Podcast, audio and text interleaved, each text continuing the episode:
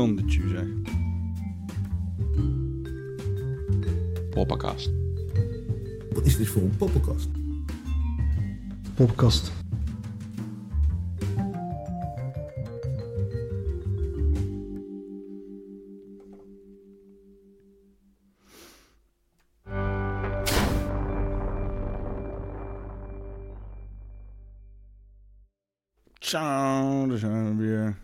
Shit alweer gaande in de chat. Je eens even, even een lekker, lekker muziekje opzetten natuurlijk. Die had ik dan weer eh, nog niet uh, klaarstaan. Dat is wel, we moesten de hele, de hele studio nog opbouwen vandaag. Party free, coffee jazz, coffee jazz. En uh, ja, daar ben ik wel mee bezig geweest.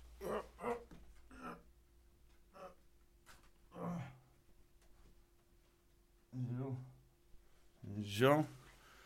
Ja, zoiets dergelijks. Mooie. De mooie grote bel van Marshall op de achtergrond. Kijk dan een ding. God dan de tju. Uh. Echt ja. Nou, welkom. Zijn we weer. Even een weekje ertussenuit geweest. Uh, want uh, ja, ik bedoel... Uh,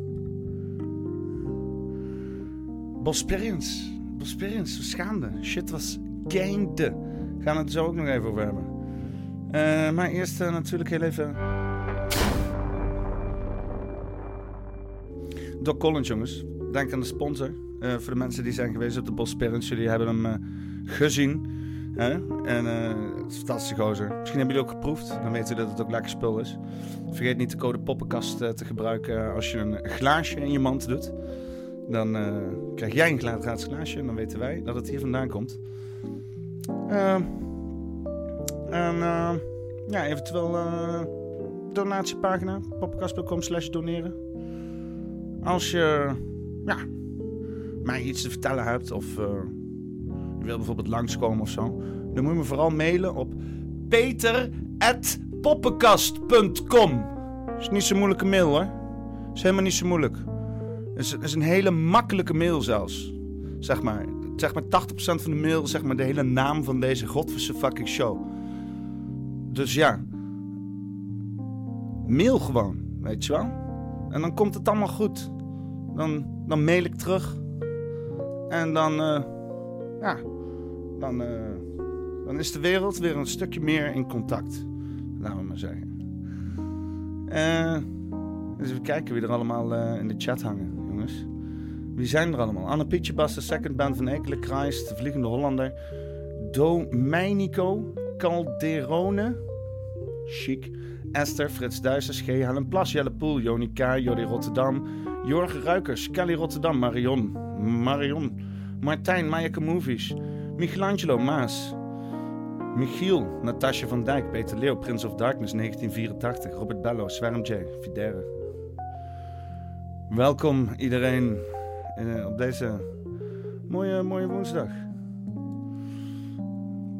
Denk ik, ik ben nauwelijks buiten geweest. Ik loop nog steeds gewoon bij te komen van de Bosperians. Het was echt uh, shit als gainde. Van uh, donderdag tot en met, tot en met wat zullen we zeggen, maandagavond of zo. Oh man, ja, dat was, dat was een dingetje. Ik, ik, heb, ja, ik heb niet echt veel. Ja, ik heb alleen in het begin heb ik even een klein filmpje gemaakt. Die wil ik wel even delen. Zien jullie een beetje hoe het zeg maar. Uh, hoe, hoe, de opzet was. Was wel, uh, was wel, was wel leuk. En. Um, en. Uh, maar er zijn nog niet echt mensen. Want toen mensen kwamen, toen was het allemaal druk. En ik ben vergeten video's. Ja, ik heb er geen tijd voor gehad. Dus mochten mensen van de Bosperians nog video's hebben Stuur het naar me, mail het naar me, telegram het naar me, postduif het naar me. Misschien uh, kan je het uh, op een USB zetten en prikken op je egel en die onderweg sturen. Gewoon uh, doe iets om het hier te krijgen en dan, dan maken we er een vette after, een vette aftermovie van. Want die ik nou nog gewoon niet. Dus dat is wel, maar ja, kunnen we wel heel even, onder van nog een beetje coffee jazz, even kijken wat, wat de dealio was. Daniel.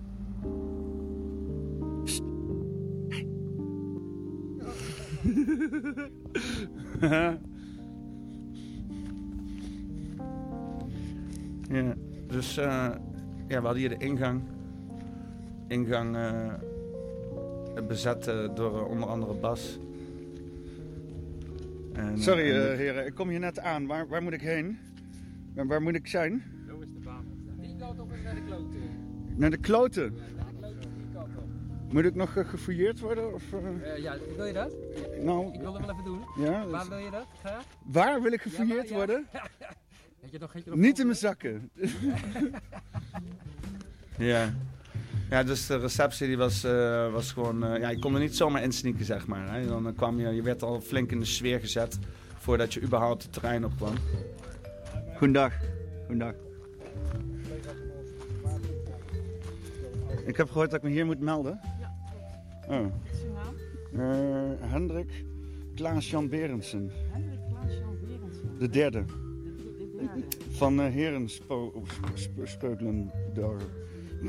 wel goed dat je op het lijstje staat. eh. Nee. God. Ja, ja. Kijk. En eh ja, mooie vuurplaats. Donderop die was bezig met eh, een lijp megalomaan schilderij van mij. Misschien moet ik hem de volgende keer boven de entree hangen. Dan eh, is het helemaal een personality cult. Gewoon lekker in meegaan. Deze is trouwens fucking gruwelijk geworden. Ja, niet zozeer dit stuk, maar alles wat er omheen zat, zeg maar. Ja, wat was hier uh, gaande? Ja, ja. Hier is... Camping Rust, jongens. Tussen de bomen. Ga maar tussen de bomen liggen. Ja, ja. En dit is eh, het mooie pand waar wij in mochten vertoeven. Ja, onder andere. En eromheen. Ja, dat is geweldig, jongen. Dat blijft, blijft altijd weer fantastisch. Mensen weer helemaal los zien komen. En eh ja, gewoon een lekker element. Het is ook gewoon een geweldige plek om te zijn. Lekkere muziekjes gedraaid. Lekkere drankjes gedronken. En eh, ja, we hebben ook gewoon lekker gegeten. Ja, niet op de wc's hoor. Dat is niet...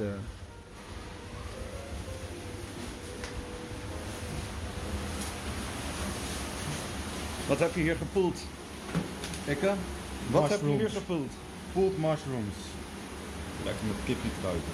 Nice. Het ziet er ook een beetje uit als capcorn. Ja, het is echt wel heel nice. ja. Oh shit. Ja, lekker. Moet ik een stukje ham in je baard zitten? Lekker. Ja man, het was eh, fantastisch. Gelachen met hart voor humor. Eh, Ray en Don hebben gedraaid. Eh, we hebben een podcast gehad met lijp veel mensen. Gewoon lijpe shit. Iedereen was... eh, was ik, ik heb me echt vermaakt. Maar ik ben wel helemaal naar de gat voor. Ik ben, ik ben nog steeds... Nou, gisteren was ik wel helemaal naar de gat. Vandaag valt het mee. Valt mee. Kan erger. Kan erger. Stak met zoveel kabels moet werken vandaag. Daar ben ik nooit zo vrolijk van. Maar ja, fuck it. Nou ja, dat in ieder geval wat betreft on- onze Bosperience dingen. Eh, oh, ik heb nog niet alle t-shirts eh, verkocht. Ik was een beetje t-shirt aan het. Wat de fuck is dit dan nou weer? Doe eens even. Ik, ik heb ook nog t-shirts. Daar, die heb ik nog over. Eh, ik, weet nog niet, ik kan nog niet alle, maten geïndexeerd wat ik over heb. Maar je kan nog steeds t-shirts kopen via de website www.poppenkast.com slash t-shirt volgens mij. En dan, eh, ja, dan, steun je me ook. Dus. Nou, eh, voorbij alle formaliteiten. Eh, laten we eens even gaan duiken wat er de afgelopen twee weken is gebeurd. De jongens in de Discord hebben een lijstje gemaakt voor mij. Eh, zoals ik dat ook altijd doe. Alleen dan nu eh, hoef ik dat niet te doen. Dus dat is echt helemaal fantastisch. En, en nog meer, niet alleen zoals ik dat doe, gewoon beter zoals ik het zou doen. Het is eigenlijk een flinke lijst. Ik denk dat we, hier, dat we hier vanavond met tweeën nog zitten. Maar let's go. Let's go. Oh ja, ik wou ook nog wel even kijken of we een, een, leuke, een leuke poll kunnen doen.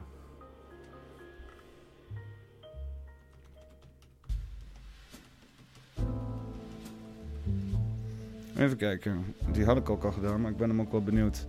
Eh, hier. Eh.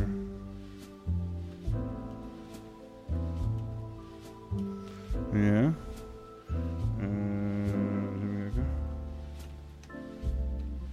Ja, nog, nog, een, ja, maar ik wil hem nog niet verklappen. Ik wil, ik, wil hem, ik wil het als een grap zijn als hij straks in beeld staat. In geval, ik, ik vind het humor. Ik, heb een, een, rare, een rare manier van humor. Maar ja, ik, ik, ik heb wel een brede vorm van humor. Ik vind heel veel gewoon grappig. Dus. eh, eh, nou.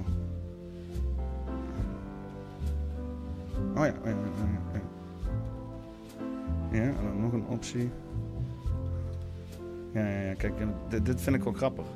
Weet je wel, dit is gewoon, ja, ik bedoel... ehm, ja, we, hebben al die tijd als Thijs als restoptie gehad. En nou is Thijs in één keer een fucking pedo schijnbaar. Oké. Het geeft wel een smet op de naam Thijs. Ik weet niet hoe vrolijk ik hiervan word. Maar ja, fijn. Eh, wat er ook is gebeurd is dat een beetje de hele politiek leegstroomt. Daar gaan we mee beginnen. We hebben een lijstje gestuurd. Dus even kijken wie stroomt er allemaal uit de politiek. Sigrid Kaag, Sylvana Simons, Farid Azarkan, Mark Rutte, Pieter Herma, Wopke Hoekstra, Peter Quint van de SP, Mahir Alkeya van de SP, Joba van den Berg van de CDA, Renske Leijten van de SP, Nicky Pauw Verwij van JA21, René Peters van CDA, Carola Schouten van CU, Marnix van Rij van CDA, Hugo de Jonge van CDA, De Haan, lijst Haan, Mark Stollenburg van VVD, Repke de Jong van D66, Corine Ellemeet van GroenLinks, Bart Smals van, van VVD. Allemaal gewoon weg. Allemaal hou je. Gewoon een zware exodus. Gewoon een politieke exodus is er gaande. Ik, eh, heb, eh, ik deed voor eh, donderdag of zo deed ik een berichtje of zoiets. Woensdag was dat misschien op Twitter. Waarbij ik zei van alle ratten verlaten het schip. Maar Jezus Christus. Ik wist niet dat het schip zoveel ratten had. Honderdje. Verklaart wel een hoop. Verklaart wel een hoop. Nou, dan eens even kijken wat eh, BNR er allemaal over te melden heeft. we zijn in afwachting van een persmoment van D66-leider Sigrid Kaag. Die is niet meer verkiesbaar bij de komende Tweede Kamerverkiezingen. Dat heeft ze eerder al bekendgemaakt in een artikel in Trouw. Gaat ze zo meteen een verklaring over geven. Eh, politiek verslaggever Mats Akkerman, die is bij ons. Mats, we weten natuurlijk eigenlijk al waarom ze stopt. Hè? Eh, de reden waarom ze stopt, die is wel pijnlijk. Dat horen we ook uit bijna alle politieke reacties. Ja, de reden die ze in het interview met Trouw geeft... en waar het eigenlijk ook al eerder over is gegaan... waarom de verwachting was dat ze zou stoppen... eh, de vele bedreigingen aan haar adres die ze ontvangst... vooral sinds ze partijleider is van D66, sinds ze vicepremier is ook...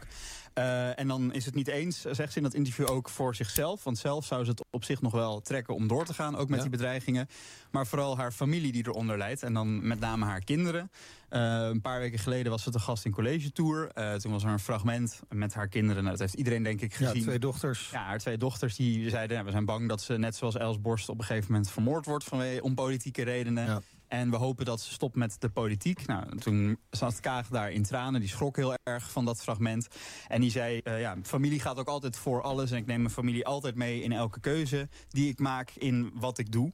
Ehm, en dus ook bij de volgende keer als het aan de orde komt. Nou, toen had ze niet geweten dat dat waarschijnlijk al binnen een paar weken... dat ze die keuze zou moeten maken. Mhm. Eh, en ze heeft er sinds vrijdag over nagedacht. En eh, ja, ze heeft begin deze week het besluit genomen. Ja, en dan, dan kijken we natuurlijk als iemand opstapt eh, die zo'n rol heeft gespeeld in de Nederlandse politiek, kijken we ook naar wat haar politieke erfenis is. Wat zou die, hoe zou je die willen omschrijven?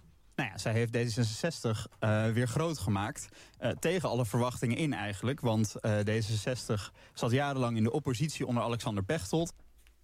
Overwinningen. Hij kwam van drie zetels en ging naar 19. Ja. Maar vanaf het moment dat ze in Rutte 3 stapte, ging het eigenlijk eh, bergafwaarts met D66 in de peilingen. En iedereen dacht, nu worden ze weer gehalveerd. hè. Er wordt altijd gezegd bij D66, regeren is halveren. Ja. En de verwachting was dat het nu weer zou gebeuren. En toen werd D66 in de zomer van 2020 de, de partijleider. Eigenlijk zonder enige tegenstand. Ja, er was een, een tegenkandidaat, maar dat was meer... eh, dat was een of andere vreemde man die eigenlijk in het buitenland woonde... en eh, helemaal geen stemmen haalde. En ze wist het voor elkaar te krijgen om D66 naar 24 zetels te halen... wat de grootste overwinning ooit was. Eh, samen met Hans van Mierlo, die dat één keer eerder had gehaald.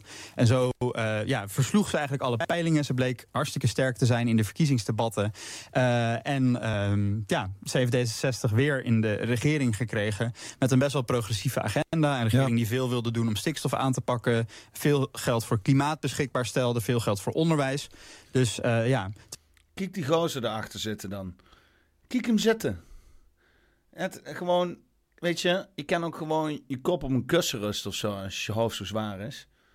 God non de man. Zo'n fietsje buiten, wat is dit dan nou weer? Oh, een gezwet zeg. Och, ja, och, Kaag heeft dit gedaan, Kaag heeft dat. Je snapt wel dat het allemaal een script is, toch? Ik mag hopen dat hij snapt dat het een script is.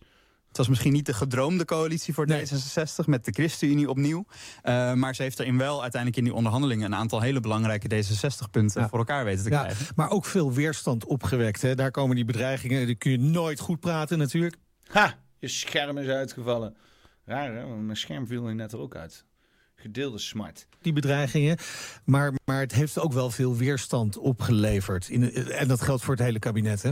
Ja, en ze werd vaak gezien als elitair. En ja, ze was eh, ja, een beetje een cosmopoliet. Hè. Ze Het Zo is, politiek levert sowieso weerstand op. Politiek is letterlijk dat wat één hoort te zijn, uit elkaar trekken en tegen elkaar opzetten. Dat is, dit is, dit is, dit is gewoon de- alles wat er altijd al gebeurt als er politiek aan te pas komt. Maar niet alleen in de Tweede Kamer, er wordt overal politiek gevoerd. Hè, maar op een gegeven moment gaan mensen shit lopen verdelen om zelf te kunnen heersen. En ja, en dat veroorzaakt weerstand, ja.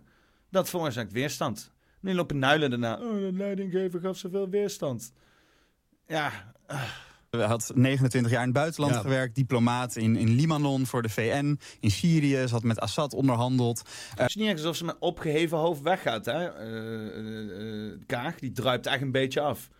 Die kan echt niet, eh, die kan echt niet meer terugkomen straks. Eh, maar ze had een heel internationaal profiel. En dat maakte haar bij D66-kiezers heel populair. Die zijn voor Europese integratie, voor meer Europese en internationale samenwerking. Ehm, maar er waren ook aan de andere kant juist heel veel mensen die zeiden: ja, wat, wat moet zo iemand die helemaal niks heeft met Nederland, die hier 30 jaar niet heeft gewoond, waarom Ja, vaak Kaag. Eens even kijken of ze nog ergens heen gaan aan het eind hoor. Heel vaak door mensen juist werd gevraagd: ga hier door, alsjeblieft, ga door.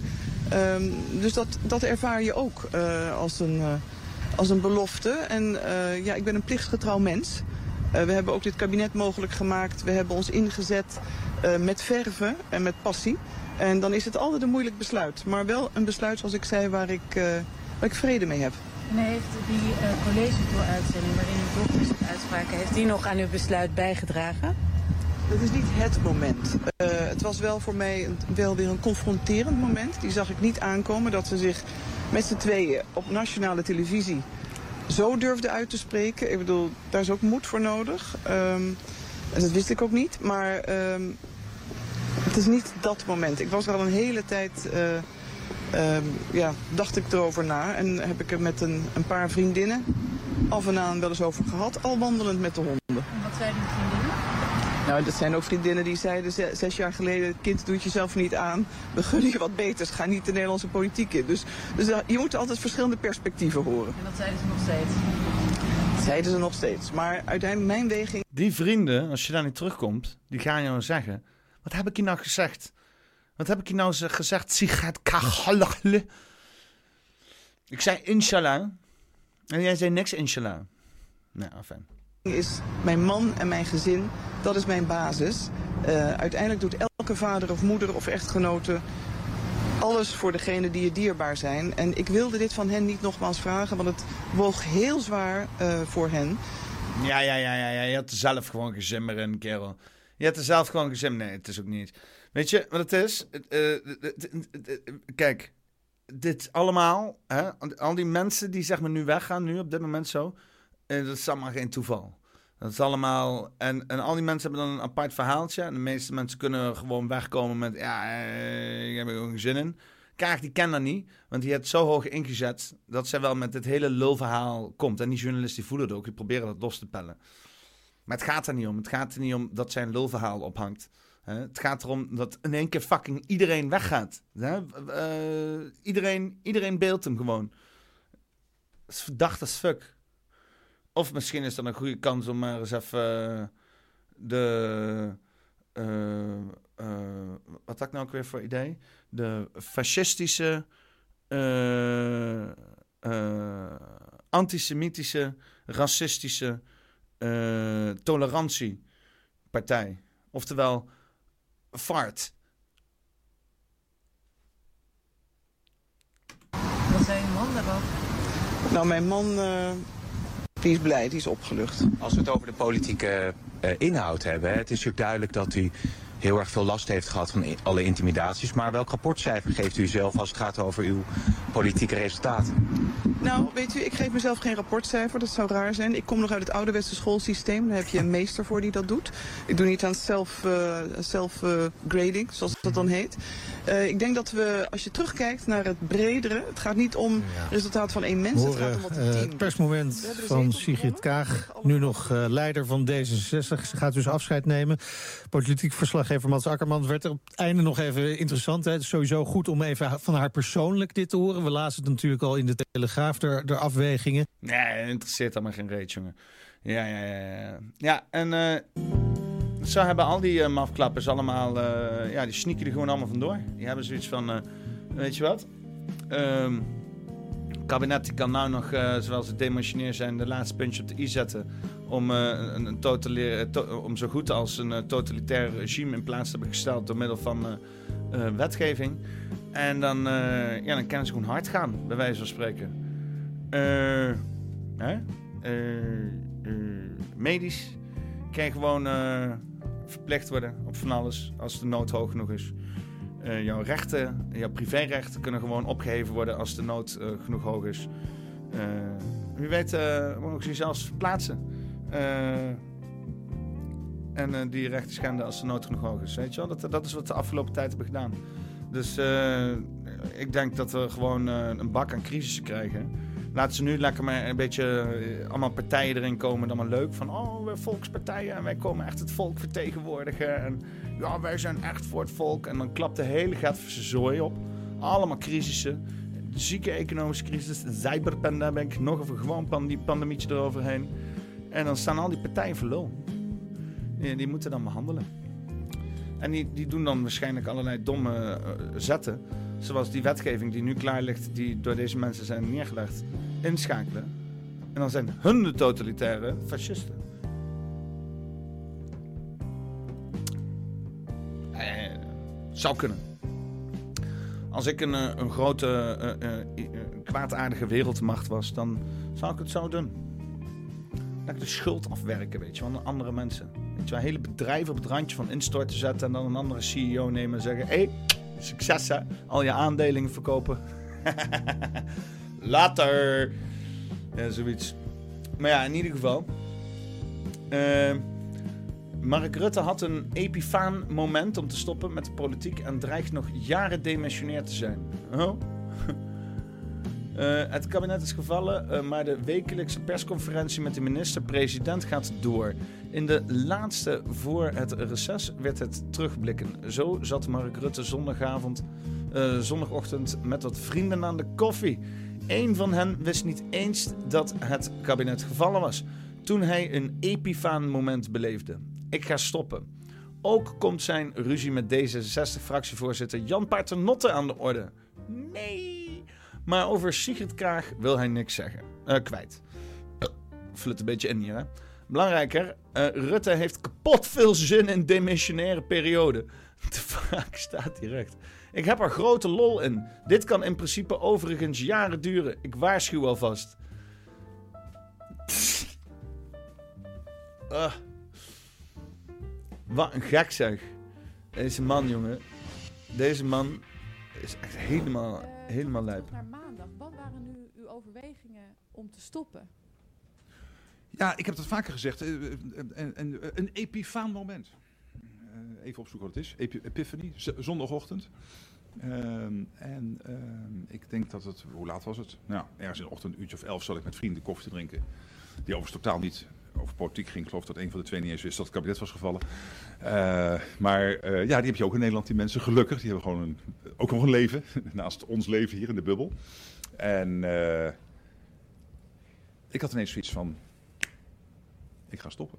Nou, en toen heb ik uh, dat in gang gezet. Maar de, dat, dat is natuurlijk niet opeens. Wat, wat, wat zijn de overwegingen Ja, maar kun je zeggen, ik, ik voel het goed. Uh, ik doe het lang en, en als ik dat ga proberen... Uh, ja, maar dat kun je niet zeggen. Nou, maar dat gebeurt natuurlijk niet ineens opeens. Ja, maar dat kun je niet zeggen. Kun je gewoon niet zeggen. Ik snap dat je dat denkt, dat dat het meest logisch is. Dat je denkt van, oh, dat kan je toch niet zomaar opeens zeggen. Maar ja, dat kan je gewoon niet zeggen. Dat is mijn hoofd, mijn gedachten. Ik verkoop jullie gewoon de bullshit die ik jullie verkoop. En dan moet je maar mee doen. Epifaan moment. Epifaan. Gewoon zo. Hè? Er is een strategie. Nee, gewoon on the moment. Beetje ontspannen. Gewoon ham, ham, ham. Al deze 14 jaar is gewoon een beetje on the flow. Beetje, hè, weet je wel? Going with the flow. Gewoon, eh, hoe noem je dat nou? eh, eh, spontane beslissingen. Beetje hup, hup, hup. Hap, hap. Niks strategie. Uitgedacht. Uitgedacht. Hoe durf je? Hoe durf je te denken dat ik een sluw en listig persoon ben? Zou je dat zeggen? Zou je dat zeggen? Als je, mij, als je mijn geschiedenis kent van hoe ik omga met bepaalde zaken, zou je dan denken dat ik een sluw en listig persoon ben? Nee toch? Nee, gewoon lekker spontaan. Gewoon, oh, dat voelt goed. Bam! Epifaan moment. Proberen nu eh, zo'n, zo'n, eh, soms moet je je hart en je buik volgen. Eh, en als je dat dan allemaal weer hier gaat proberen te rationaliseren, ik kan alleen maar zeggen, het voelt goed. Uw gevoel zei dat u moest stoppen en toen dacht u, dan stop ik ook gewoon. Daar zit geen rationele keuze achter de Ja, als, minister-president. ik kan het allemaal proberen te rationaliseren, maar ik doe het ook niet sinds gisteren. Dus eh, 17 jaar mag ik, ben ik ongelooflijk dankbaar voor mijn partij voor gaan. En al nou, 12,5 of zo jaar eh, premier zijn. Eh, er komen weer verkiezingen aan, dan teken je opnieuw bij voor potentieel, hè, sowieso in de Kamer voor vier jaar. Hè, want je, eh, ook als je niet mee gaat regeren, moet je dat natuurlijk doen. Maar potentieel ook weer als premier. En eh, ik denk dat het een goede moment is. Voelt goed. Maar Maar, ook wel gemengde gevoelens. Hè. Ik heb er ook emotie bij en ik ga jullie enorm missen. En heel veel collega's in Den Haag. Het is prachtig werk wat ik doe. Ik ga het enorm missen om iedereen hier de hele dag voor te liegen door mijn tanden. En jullie allemaal een, een, een, een, een, een, een snoer aan te draaien.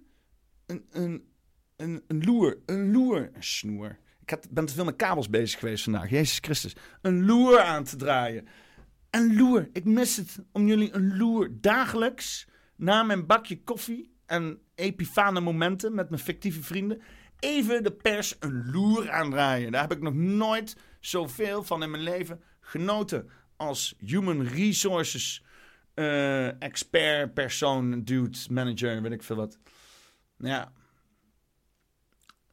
Ik, weet- ik weet nog niet. ik- Rutte. Eh, maar weet je, het is niet zo dat eh, mijn loopbaan nou een knop gebroken is, dacht ik. Maar joh, joh, hè? Nee joh, nee, die, die baantjescarousel, nee, dat doe ik niet aan mee. Ik ga nu gewoon met een sabbatical tot aan mijn pensioen en dan ga ik lekker gewoon alleen nog maar pentagrammetjes leggen aan het strand. En daar mijn offeringen doen. er zit toch wel, ik neem aan dat er toch wel een gedachte achter zit waarom u dan in ieder geval dat gevoel heeft. Dat gevoel komt ergens vandaan. Maar Wat- dan ga ik u iets uitleggen. Hoe ik in het leven sta. Dat soms ben je er volledig van overtuigd dat je het goede besluit neemt. En What the fuck is dat dan weer? Volledig van overtuigd. Ze zeggen dat hij een woord met een R zou ik zeggen. in het leven sta. Dat soms ben je er volledig van overtuigd je Yo, Mark Rutte die loopt hier vast. Dat is wel een leuke stekker. Gewoon... Ik in het leven sta. Dat soms ben je er volledig van overtuigd dat je het goede besluit neemt. En moet je niet jezelf dwingen. Dat soms ben je er volledig van overtuigd dat je het goede besluit neemt. En moet je niet jezelf dwingen dat helemaal te rationaliseren. Ben je er volledig van overtuigd dat je het goede besluit neemt. En moet je niet jezelf dwingen dat helemaal te rationaliseren. Ben je er volledig van overtuigd dat je het goede besluit neemt. Leuk. Ehm, misschien eh, begint hij gewoon eh, gebreken te vertonen. Eh, begint Mark versie 3, de machinaal autonome regeerkast, eindelijk eh, gebreken te vertonen die niet meer repareerbaar zijn. Eh, en eh, eh, ja, hebben zijn eh, op- operateurs gezegd van... eh, jongens, eh, we moeten hier een eind aan brengen. Eh, we moeten er een nieuwe eh, kast neerzetten. Dus ja. En moet je niet jezelf dwingen dat helemaal te rationaliseren. Dat is niet slim. Vind ik. Maar misschien denk jij er anders over. Maar Je moet niet te rationeel nadenken, dat is ook niet slim. Moet ik enigszins gelijk meegeven. Ik, ik kan, hè? Er zit, een, er zit ergens een, een, een, een, drempel waarbij je voorbij kan rationaliseren. Hè? Dan ben je aan het overrationaliseren. Maar eh, het is wel een grappige zin. Ah, je moet niet te veel gaan lopen rationaliseren, dat is niet slim. Het, is niet, nee, maar het heeft dus niet te maken met bijvoorbeeld het feit dat er partijen dat weekend al eh, aangaven. We gaan niet. eh, meer Ik wist dat niet. Dat kwam samenwerken. pas in de loop van de middag. Wij kregen, ik zat 's middags met het politbureau van de VVD bij elkaar. En toen kregen we die signalen dat GroenLinks en eh, Partij van de Arbeid aan het rommelen waren. Eh, ja, prima. Dat, weet je, dat mag allemaal. Maar in ieder geval, dat was daarna. En toen kreeg je ook nog eh, zondag of in ieder geval maandagochtend eh, het geluid dat D66 eh, waarschijnlijk voor een motie misschien wel van wantrouwen zou stemmen. Sigrid Kaag heeft u daarover gebeld. Wat was uw reactie daarop? Ja, daar ga ik helemaal niks over zeggen. Ik laat dat echt even dat moment. En ik kan maar één ding verzekeren, dat is dat die samenwerking tussen mij en Sigrid gewoon goed is. En ook de komende maanden goed zal blijven. Uh, maar over dat moment, wat ik er allemaal vind, ga ik geen commentaar. Maar zij had het erover dat ze het zich uh, uh, hen niet kon garanderen dat haar fractie niet voor die motie van wantrouwen zou stemmen. Heeft ze zelf over, iets over gezegd bij op één. Ja. Um, en u reageerde best wel geïriteerd op Jan Paternotte ook in dat, debat. Kwam, uh, dat debat. Kwam ja, Jan Paternotte was iets anders. Uh, wat D66 vanaf vrijdag deed, op de inhoud was zeggen de VVD wil uh, hele zielige kinderen allemaal niet meer naar Nederland laten komen. Ja, inderdaad. Nou, dus even kijken of er nog een, nuttige vraag wordt gesteld. Meestal aan het eind, eerst worden de grote omroepen krijgen ruimte om vragen te beantwoorden. Dat is altijd allemaal homogeen geneuzel, waarbij er nul kritiek wordt geuit. En dan aan het eind heb je misschien een paar onafhankelijke bureautjes die dan ook nog tijd krijgen. In de hoop dat de meeste kijkers dan al zijn afgetaaid. Wat meestal ook gebeurt, want meestal heb je wat uitgezonden wordt op tv is alleen de persconferentie. En als dan de vragen komen van de journalisten, dan gaan, gooien ze dat er toch uit. Dus ja. Toen, toen kwam er een, een voorstel op tafel om wat de VVD wilde, niet zo te doen, maar in de vorm van een uh, een, een, een nood. Robert Punt zegt volgens mij is Mark acht jaar geleden al gekloond. Ja, ja, ja, ja, ja, ja, ja. ja. Ja, ik denk dat Mark Rutte uh, al, uh, al gekloond was na de JOVD-periode. Dan hebben ze toen gewoon zijn brein hebben ze, hebben ze geïsoleerd. En hebben ze de echte Mark Rutte hebben ze, geofferd in een satanisch ritueel aan Moloch. En zijn hersenen hebben ze vervolgens geutiliseerd in een, een neurobiologische container. Waarin hij in een, een, een androïde apparaat kan worden geïnjecteerd. En vervolgens met een mooie ja, vleesachtige gelei kunstwerkje van een pak eromheen. Dan krijg je Mark Rutte. En Mark, Mark, Mark hè? Dat is machinaal, automatisch regeringskast, Mark. Dus ja, dat is, dat is hoe het is, denk ik. Rem, in geval van een overbelast asielsysteem. Ehm, daarvan dacht ik, dat ik wist ik ook niet zeker of dat voor de VVD genoeg was. Maar uiteindelijk zei ook de, de fractietop en de woordvoerder, zei, nee, dat, dat kunnen wij ook dragen. Daar hebben we natuurlijk contact mee gehouden. is uitgewerkt op vrijdag. D66 kwam aan boord. Dus ik had de indruk, het gaat wel lukken. Uh, maar uiteindelijk is het niet gelukt. En dat verwijt ik niemand. Dus uh, het kabinet viel uh, vrijdag. Ja, dat, en dat kan in de parlementaire verhoudingen, bij hoge uitzondering, doe ik niet te vaak. Maar soms op zeer belangrijke punten kan dat gebeuren. En vervolgens moet dan iedereen natuurlijk nadenken, wat ga ik doen? Nou, dat heeft voor mij geleid tot die ingeving op zondagochtend. En sinds 1 april had u eerder nog niet zo gedacht? Nee, nee, nee, maar ik eerlijk gezegd... Visionair is het ook, hè? Ingeving. Psh, weet je wat? Ik ga gewoon stoppen. Sowieso is mijn perspectief 2025. Maar ik moest bij de Bosperians langskomen. Dan weet je pas wat ingevingen zijn. En in de zomer van 24 weer nadenken. Dan. Dan is dat de laatste vraag. RTL. Uh, RTL, vlekken toch op. Ja, daar gaan we ook niet naar zitten luisteren. Uh, ja, uh, regering loopt gewoon helemaal leeg. Loopt gewoon helemaal leeg. Iedereen weg. Hou je. Hey, kijk. Uh, beware of what you wish for. Hè? Ik bedoel, en dan krijgen we het ook. Dus. Maar mensen wisten het ook. Dit was ook wel. Het is aan de ene kant dat ik ook wel denk van dit is logisch, weet je. Ik vroeg me altijd af van hoe. Hoe, hoe kunnen ze dit blijven doen, weet je? Je weet toch dat je. Dit is toch niet. Is, je moet toch een beetje soort van proberen geliefd te zijn. Mensen zaten alleen maar. Gewoon. Iedereen tegen de haren in te wrijven en zo. Maar nu snap ik het wel. Het is gewoon een hele gerichte actie van een beperkte periode. Waarin inderdaad gefrustreerd werd en dan gewoon hou je hem. Weet je wat? Alsof je een scheet laat en de lift uitloopt. Dat is het gewoon. Dat is de ultieme tactiek. Dat is de ultieme tactiek. De deuren gaan gewoon dicht, weet je. Die lift gaat bewegen, ken niks meer. Ken niks meer. Hè? En uh, zelfs als het een hele luide scheet is, weet je wel, dan, dan ben je zo beduust van het feit dat het gebeurt. Dat die deuren dicht zijn en dat je denkt van godverdomme, nu zit ik met die scheet, weet je wel. Ja, wat je eigenlijk moet doen, en dat is wat we nu moeten doen, is kijken, snel die deur open rammen en gozer erbij terug, terugtrekken en die lift douwen. En dan hem opsluiten met zijn eigen scheet. zou de beste tactiek zijn. Ja. En even kijken. Kabinet verbiedt ontkenning holocaust. Het wordt expliciet verboden om de holocaust te ontkennen, bagatelliseren of goed te praten. Wat is bagatelliseren? Goed te praten ook. Goed te praten. Oh, oh. maar ja, eh, te ontkennen. Ontkennen. Dus zou je maar zeggen dat het is gebeurd, is het goed. Bagatelliseren. Wat, wat, wat, is precies, precies de definitie? Want het is dan het dan minder maken dan wat het is of zo, weet je wel. Maar ja, dan, dan moet je wel weten wat het is. Iets onbeduidends voorstellen of behandelen. Ja, ja, ja. ja. Dus inderdaad wegschrijven als iets, iets niet, niet zeggend. Ja. Of goed te praten. Of te zeggen van ja, was, was goed voor, eh, voor iedereen. Ja, is goed. Dat, dat, doe, ik- dat doe ik alle drie niet. Dus ik kan gewoon, als het goed is, nog doorgaan met waar ik mee bezig ben. Maar het is wel vreemd. Het is wel vreemd. Dat heeft het demotionair kabinet besloten. Discriminatie en racisme zijn al verboden. En ook het ontkennen van de holocaust was al strafbaar. Ja, maar het stond nog niet expliciet omschreven in de wet. Dat gebeurt nu wel. Er blijft eh, een gevangenisstraf van maximaal één jaar op staan. God non de. Ja. Ja, de holocaust ontkennen. Is dit, is dit de ene... Ja. Het is natuurlijk...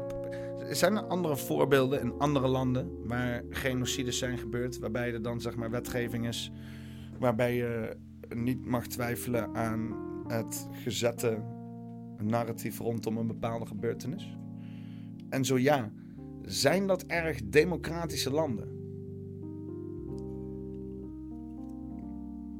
Dat vraag ik me dan af. Maar ja, eh, ik ben benieuwd. Ben benieuwd waar dit heen gaat. Want dan, ja, dan, dan, zit je gewoon inderdaad vast voor iets voor wat je hebt gezegd, een jaar lang. Weet je wel? Omdat jij eh, dan een, een eigen realiteit erop nahoudt. En, eh, en, en dat leeft. Zonder er iemand mee pijn te doen. Fysiek. Dan eh, kan je daar gewoon een jaar gevangenisstraf voor lopen. Vanwege angst. Vanwege angst van mensen die dan zoiets hebben van... eh, ja, eh, straks word ik in een kamp gesloten. Dus nu gaan we maar mensen opsluiten om te voorkomen dat ik in een kamp terechtkom. oh. oh. Fucking hell. Weet je wat ook een concentratiekamp is? Israël. Ik bedoel, hè? Eh, je, kan er vast een stuk beter leven als in de desbetreffende concentratiekampen als, eh, als eh, van eh, 1940, eh, Duitsland, Polen. Maar ja, je zit er wel. Hè, dat heeft in ieder geval wat, wat overeenkomsten. Niet, niet alle, niet allemaal, maar wat. Dat is namelijk omsingeld zijn, omsingeld zijn door mensen die je dood willen en opgesloten zitten tussen muren. Hij is niet echt opgesloten, je kan weggaan, dus dat is, dat is dan wel, dat is dan wel een check, vind ik niet. Maar ik zat op een gegeven moment over na te denken en ik denk, het is toch ook, het is een perfect voorbeeld van een negatieve manifestatie, weet je wel. Je leeft zo lang over iets, over, in angst en over wat je niet wil, dat je precies creëert dat wat je niet wil. Weet je wel? En als je dan ook kijkt naar de acties ook nog eens een keer van Israël, die nu trouwens extreem rechts zijn. Ehm, en ze zitten daar eh, te tornen aan vrouwenrechten en zo. Super lachen. ja, dat gaat, dat gaat helemaal. Dat, het werkt. Het, het verkeerde, weet je wel. Al, al, dat, al dat gedeug en leven in angst en voorkomen. Dat, dat, dat, dat maakt juist de realiteit waar je bang voor bent. En eh, hier gaat het ook zo zijn. Zo'n wetgeving. Dan gaat er alleen maar voor zorgen dat mensen het, eh, nog eh, kritischer op gaan zijn. Dus ja. Het is nergens goed voor. Maar ja, wat ik zeg, weet je, ze creëren die puinhoop. Hè, ze zetten dit precies op om, om, om, om, om, om, om een, een perfect storm te creëren. En dan laten ze wel in één keer allemaal, allemaal toegankelijke mensen de politiek in. En dan krijgen die de schuld van, van alle puinhoop die ervoor is gecreëerd. En dan, eh, dan eh, dus komen weer de professionals in. De, de World Economic Forum toegewezen politici. Die zeggen, nou dan moeten wij het maar gaan oplossen.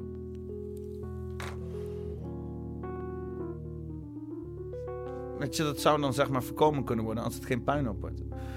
Weet je? Maar we hebben wel zeg maar een brandend huis aangereikt gekregen. Ja?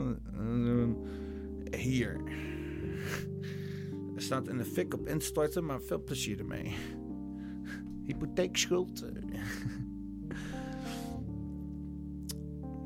Maar dat is wel de ultieme fuck you, weet je wel. Als je dan het huis gewoon weet te blussen, op te knappen, de hypotheekschuld weet af te betalen. Nee, gewoon naar huis. Nee, gewoon naar huis. Hm. Ach ja. Eh, het is maar een, uh, een. Laten we, laten we het vooral niet serieus nemen. Mark Rutte, fulltime als leraar voor de klas. Gaat Mark, eh, Mark Rutte na zijn premierschap het onderwijs in, zoals hij vorig jaar zei? Eerst zien dan geloven, zeggen betrokkenen. Die het mooie uitdaging voor hem vinden. Voor 150 Kamerleden spreken lastig. Vrijdag het 8 uur is ook topsport. Ja, ja, ja. Och. Altijd weer dat, dat Mark Rutte is een leraar retoriek. Ik heb... Uh, ik heb... ik heb... deepfakes gezien. Die meer echt waren als Mark Rutte's leraarschap voor de klas. Kan ik je zeggen. Dus ja. Nou, laten we eens even kijken wat er in het buitenland gaande is. Local burgemeester Helsinki betrapt op het spuiten van graffiti in spoortunnel. Lekker man. Kijk aan. Kijk, dit zijn de nieuwsberichten waar we voor gaan. Local burgemeester van Helsinki betrapt, uh, van Helsinki betrapt op spuiten van grafiek in spoortunnel. Paavo Arnamhaki. Jesus Christ. Arhinmaki. Is dat dan Maki? Arhinmaki. Paavo Arhinmaki, een van de vier local burgemeesters van Helsinki, wordt geconfronteerd met moeilijke juridische stappen en roept hem op om een schadevergoeding te betalen en af te treden. Nee, de fuck staat er dan weer af te treden? Gewoon behandelen ze burgers ook behandelen. Gewoon een boete geven en dan weer gewoon door. Is toch mooi man? What the fuck? De lokale burgemeester van de hoofdstad van Finland wordt geconfronteerd met de mogelijke juridische stappen en roept op uh, een schadevergoeding te betalen en af te treden. Ja, dat iets groters doen zo. Uh, uh, oh, is de muziek nou afgelopen? weer opnieuw zo. Dat is oké. Lekker man. Um, nadat hij afgelopen weekend op heterdaad werd betrapt met het spuiten van graffiti in een sporttunnel. Dat is toch hilarisch. Meneer, wat bent u aan het doen? Ik ben de lokale burgemeester. Het Finse agentschap voor transportinfrastructuur vertelde woensdag aan de openbare omroep Jelle. Wat is dit de hele tijd? Krijg ik... Is dit voor plug-in kill? Ga eens weg. Oorspronkelijke tekst. Fucking it. Maar, afijn. Um, dus we kijken. Transportinfrastructuur vertelde woensdag aan het openbare omroep YLE dat het opruimen van, het opruimen van graffiti die illegaal geschilderd is door Pavo Arnhimaki, een van de vier lokale burgemeesters van Helsinki, ongeveer 3500 euro heeft gekost. God nonnetje. Weet je wat je beter kan doen? Als je dan toch gravity remover hebt, die aantal liters gravity remover die je hebt, combineren met dezelfde hoeveelheid aantal wc-ontstopper. En, daar één, uh, en dat in de helft van het uh, gedistilleerd water oplossen. Um, dan krijg je namelijk gamma-hydroxybutaan oxide gas. Ik weet het niet. GHB. Laten we het maar gewoon GHB noemen. En uh, nou ja, stel je, we hebben een litertje. in een litertje. En dat, dat dan, ja, daar maak je dan 2,5 liter van. Ach god, moet ik een hoofd rekenen? nou ja, weet ik veel.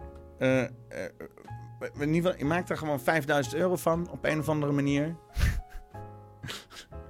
en je gewoon winst. in ieder geval. Armin Maki, 46, en een vriend werden vrijdag betrapt door de bewakers in een spoortunnel in Oost-Helsinki nadat ze graffiti hadden, graffiti hadden voltooid. Waarvan Finse straatkunstexperts zeiden dat ze gedeeltelijk geïnspireerd leken op de werken die in de jaren 70 in New York City waren te zien. Straatkunstexperts. Dus hij zei: Oké, oké, okay. Dus hij doet iets. Ze zeggen: Oh, wat is dit? dit is iets voor de straatkunstexperts. Toch wel implicerend dat het fucking straatkunst is.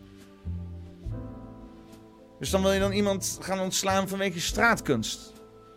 Ja, dat is ook weer van die politieke dingen. Die gozer die ziet gewoon een kans en denkt... Aha, die moet ik uit de weg hebben. Hij is rebels. Hij heeft nou eindelijk een keer de wet overtreden. Laten we straatkunst-experts erbij halen. Fucking hell. De grootste krant van Finland, Helsing, Hels, Helsingen, Sanomat... eh, plaatste een foto van de grootschalige graffiti in een tweet. Nou, dan ben ik wel benieuwd eigenlijk. Kom maar op met die grootschalige foto van die tweet. Kom, het.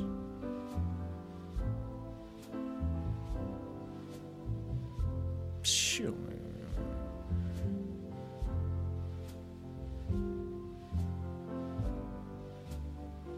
Nou, eh. wat fuck. Laat maar dan. Fucking links werken niet, maat. In een Facebookbericht op zondag bood Arnemaker, die bekend staat als een groot voorstander van straatkunst als maker van, van graffiti in zijn jeugd, zijn excuses aan voor zijn stomme gekkigheid. Nee, het was straatkunst, maat.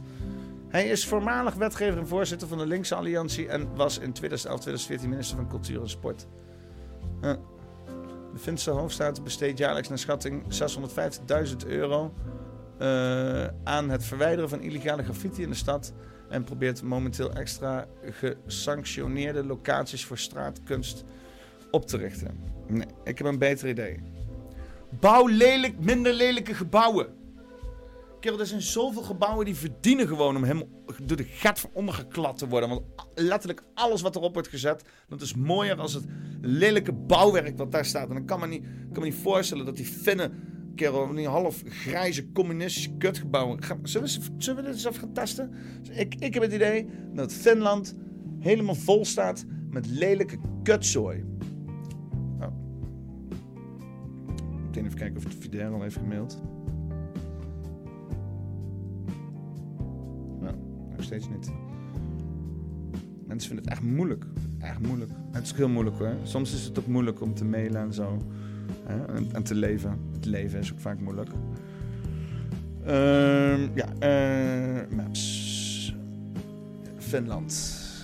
Dat ligt hierboven, hè? Het is daar zo.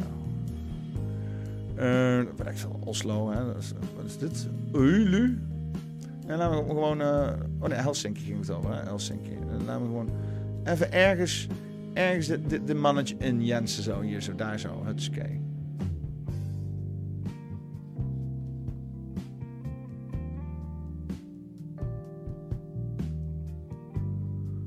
Kerk. Ja, je, maar dat bedoel ik nou, hè.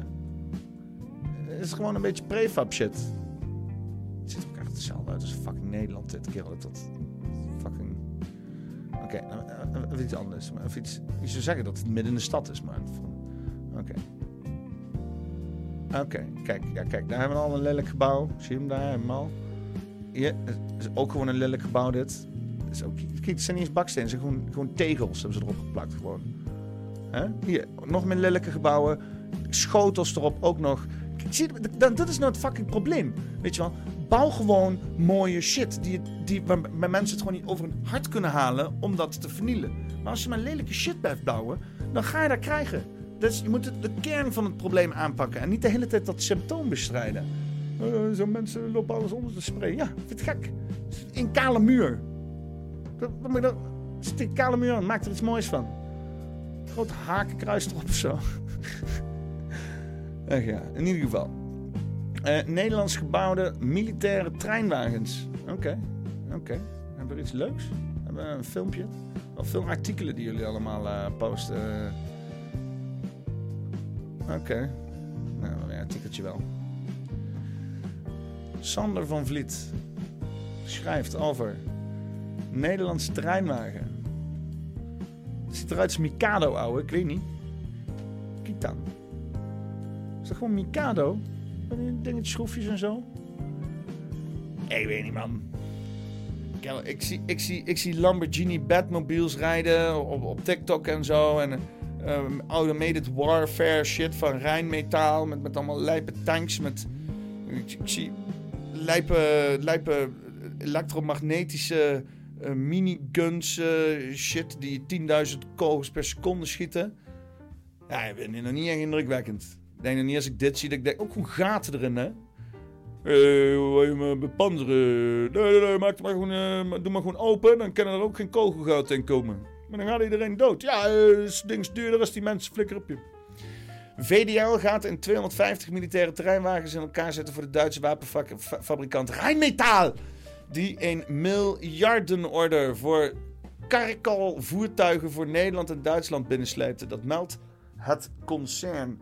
De voertuigen zouden oorspronkelijk eh, in de Special Vehicles fabriek in Eindhoven in elkaar gezet worden. Maar VDL schuift de klus door naar de fabriek in Born. Motherfuckers! Het is werk geweest voor Nederlanders. Voor Hollandse fucking mensen. Konden lekker sleutelen aan een autootje. Maar nee hoor. Godverdomme naar Barren toe. De fabriek in Barren wacht op nieuwe opdrachtgevers. Ja, we hebben hier opdrachtgevers. Oh, oh zo, die fiets. Oké, ja, ja, ja. Ze hebben te weinig werk. Gezien het afgelo- af- afgelopen contract van Netcar en de mogelijke ontslagronde die erop volgt. Nou, lekker boeiend. Shit, shit meid allemaal. Volgens ED gaat het hier om de eerste instantie om 250 voertuigen met een optie die nog eens 250 terreinwagens. In totaal zijn er ruim 2000 wagens bestemd voor het Duitse leger en meer dan 1000 voor de Nederlandse. Het ministerie van Defensie investeert ruim 300 miljoen in de aanschaf van de voertuigen. Bam! 300 milli, 300 milli, milli, 300. Nou, is niks. Is niks. 500 miljard verdwenen. kun je ehm, 15 keer deze order van bestellen. En dan wat over ook nog. Om te besteden aan je fucking wijf. Bah, kop wat leuks voor de. Hè? Hier, hij nog een extra 120.000. Kop wat leuks voor de. Zorg dat niet één product is. Smer het een beetje uit over het jaar. Een jark hier, een ringetje daar. Misschien een beetje vakantie. Het is goed hè, om voor de overheid te werken. Ja? Oké, in ieder geval. De karkas is ontworpen door Rijnmetaal, Mercedes-Benz en Arme Car. Ja, ik kan wel zien dat er een Mercedes-Benz dingetje? Ja. Ik, bedoel, ik zou hem best willen hebben, vergeet me niet verkeerd. Maar en wel met dat ding erbovenop. Wel met een manier 50 kaliber eh automatisch eh, eh, ramgeweer. Overstep. Oh, wacht even. Nee? Nou, doet hij het nou niet? Zes, toch? Ja, zes.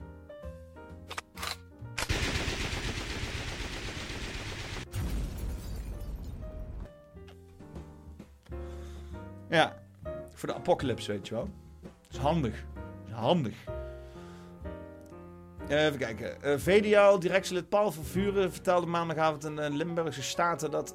Limburgse Staten? In de Limburgse Staten? Hebben we Limburgse Staten? Nog dat hij voldoende potentie ziet voor de fabriek in Born. Van Vuren zei dat VDL hoopte op een opdrachtgever op korte termijn. En één vanaf 2026. Het bedrijf eh, verlegt de scope naar allerlei auto-gerelateerde activiteiten. Eh, als het vroom vroom doet, dan zijn wij van de partij. nou ja, oké, dus eh, ja, eh, meer eh, wapens en auto's. En, ja, want dat was natuurlijk, hè, Oekraïne is ook gewoon een, mooie dumpplek voor oud materieel. Hè? En dan is er weer plek voor nieuw materieel. Want dat is het natuurlijk ook.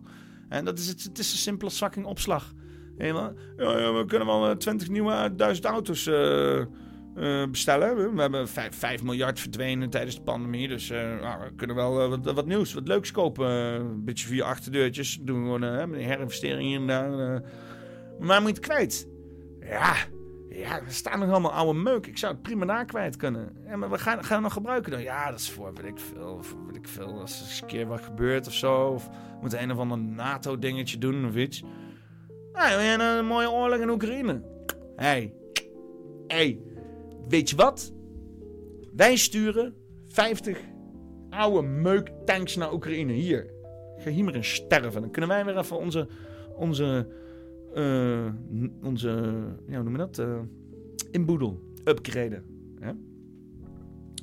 Ik voel wel mee met Oekraïne. Ik ben ook een, ik ben een beetje zoals Oekraïne, weet je wel. Ik, ik leef ook aan eh, de bodem van de consumptiemaatschappij. En ik heb er geen probleem mee, ik schaam me er ook niet voor. Maar al mijn meuk thuis is tweedehands. Ik koop nauwelijks nieuwe meuk. Ik heb één keer een nieuwe tv gekocht en ding was binnen, binnen, binnen een half jaar stuk. Hè? Dat is mijn nijgrij. Ik kan beter oud grij hebben. Hè? Want als dat oude grij nog steeds doet, dan heeft het zeg maar bewezen dat het, dat het, dat het, dat het eh, rigide is. Weet je wel? En, eh, eh, en ja, ik heb allemaal oude meuk. Ja, soms, soms is het wel irritant dat ik allemaal oude meuk heb. Maar meestal werkt het. Maar nieuwe meuk werkt soms ook niet. Weet je, dus ja, de irritatie heb je toch wel. Dat spullen soms af en toe niet werken. Ik, eh, oude dan kan het in ieder geval beter, maar niet duur zijn geweest. Ik kan beter iets hebben wat dan goedkoop is en niet werkt. Of moeite kost om te laten werken. Dan dat je iets nieuws koopt en dan heb datzelfde kutprobleem. Dan voel je toch gewoon genaaid. Ik, ik, heb dat, dus ik heb alleen maar oude meuk. Ik heb wel een nieuwe Mac trouwens ik gekocht. Wel echt... eh, ik hoop dat jullie het horen. Ik kan nu lekker... eh, oh, het is wel fijn. eh, kan ik gewoon met het volume lopen kloten op mijn eigen manier. Zonder dat dingen wegvallen en zo. Snap je? Ja, het eh, ontkracht wel mijn hele punt dat ik probeer te maken. Maar ja, in ieder geval... Ik leef mee met Oekraïne. En het is ook eh, leven aan de bodem van de consumptiemaatschappij. En eh, ja, ze krijgen gewoon die oude meuk. En daar moeten ze maar het beste mee maken. Ja. Eens even kijken. Was de maanlanding nep? Terror Tom. My yesterday. Valuetainment. Podcast van 52 minuten. Godverdomme. Ja. En ook niet eh, iets van een tijdannotatie of zo. Van, eh nee, we kunnen wel... eh, even kijken of er een, eh, een, een, hoge, piek in zit. eh nou, laten we even kijken. Hier zit wel een hoge piek, dus die gaan we even, even bekoekeloeren. Be, Studio PC is eh, niet echt oude meuk. Heeft zelfs videocard drivers die nog in ontwikkeling zijn, zegt Ewout van Mansman. Klopt. De Studio PC is ook fucking nieuw. Shout-out naar Ewout voor deze eh, werkende, zeer goed werkende PC. Weet je wat ook niet oud is? Deze shirts die zijn ook gloedje nieuw als je die bestelt op poppenkast.com slash t-shirt. Ja, dan krijg je je eigen poppenkast t-shirt. En, eh, en eh, ja, ik heb geen stickers meer, dus ik krijg geen stickers meer. Nou, ehm, het klopt. Het is inderdaad waar. Ik heb meerdere nieuwe spullen de laatste tijd. Ik leef niet meer in de bodem van de consumptiemaatschappij. Het is ook identiteitscrisis waar ik in zit op een gegeven moment. Hè? Wie ben ik nou echt? Ben ik nog wel echt zo de persoon die ik dacht te zijn? Met al mijn nieuwe spullen. Nou, laten we even kijken of er eh, maanlanding uh, nep was. if they didn't go to the moon, that's more profound than if they'd actually gone. Think about this, Patrick. Let's say they could go to the moon, that would have a certain level of significance to mankind. But if they couldn't go, they lied about it, they murdered people to keep it a secret, that's more profound than if they'd actually gone. And I said, if they didn't go, this is important for mankind to know. Otherwise, we won't grow, we won't learn from our mistakes, we'll, we'll be stuck in this corrupted world. So I called up Bill. I said, I changed my mind. I decided to make the. Let me tell you, these films cost $1 million. And we were financed by a board member of an aerospace company who builds rockets for NASA. He knows from an engineering point of view that we didn't go to the moon. And he said it was his patriotic duty to finance these films to expose this fraud. Okay. That's who financed our movie a board member of an aerospace company building rockets for NASA who knows they didn't go to the moon. Plus, I had a guy who worked there for six years who said we didn't go to the moon. But I still said, well, maybe we'll find out. But when I found that footage of them faking the shot of being halfway to the moon with the CIA telling them how to do it, I'm like, oh my gosh, they really didn't go. And then it got, you know, even worse. Then I found a source, okay, who was actually there at the time that they filmed it. Now, this is what I'm releasing in Moon Man for the very first time. He was personally there at a particular United States base, military base, and he stood beside President Johnson while they filmed the faking of Apollo 11, June 1st, 2nd, and 3rd of 1968. We're going to identify the code name for the Apollo project, the military base where it was filmed, and a list of 15 people. He was the chief of security at this base, and he and they said only these 15 people were, are allowed in to wi- eyewitness this event. He had that list. Oké, en, en, en, en, wie is, en wie is deze man dan? Eens even kijken hoor. Eh, Patrick Bet David sit downs with Bart Sibrel. Bart Sibrel. Even kijken eh, wie eh, Bart Sibrel is. Bart Sibrel. Eruit als hem.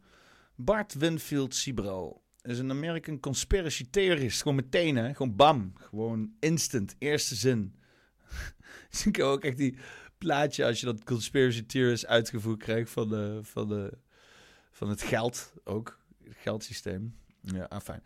Ehm, eens even kijken. Eh, en eh, directed works is supplied of the false belief that the. Dus hij is een of andere moon landing fake voortduwer, maar heeft hij ook nog credentials, backgrounds. He was, has been a director of TV commercials. Sometimes making of documentaries. Oké, dus released. Oké, dus nou ja, dan heb je wel, dan kan je wel naar materiaal kijken, zeg maar. Maar ja, ja.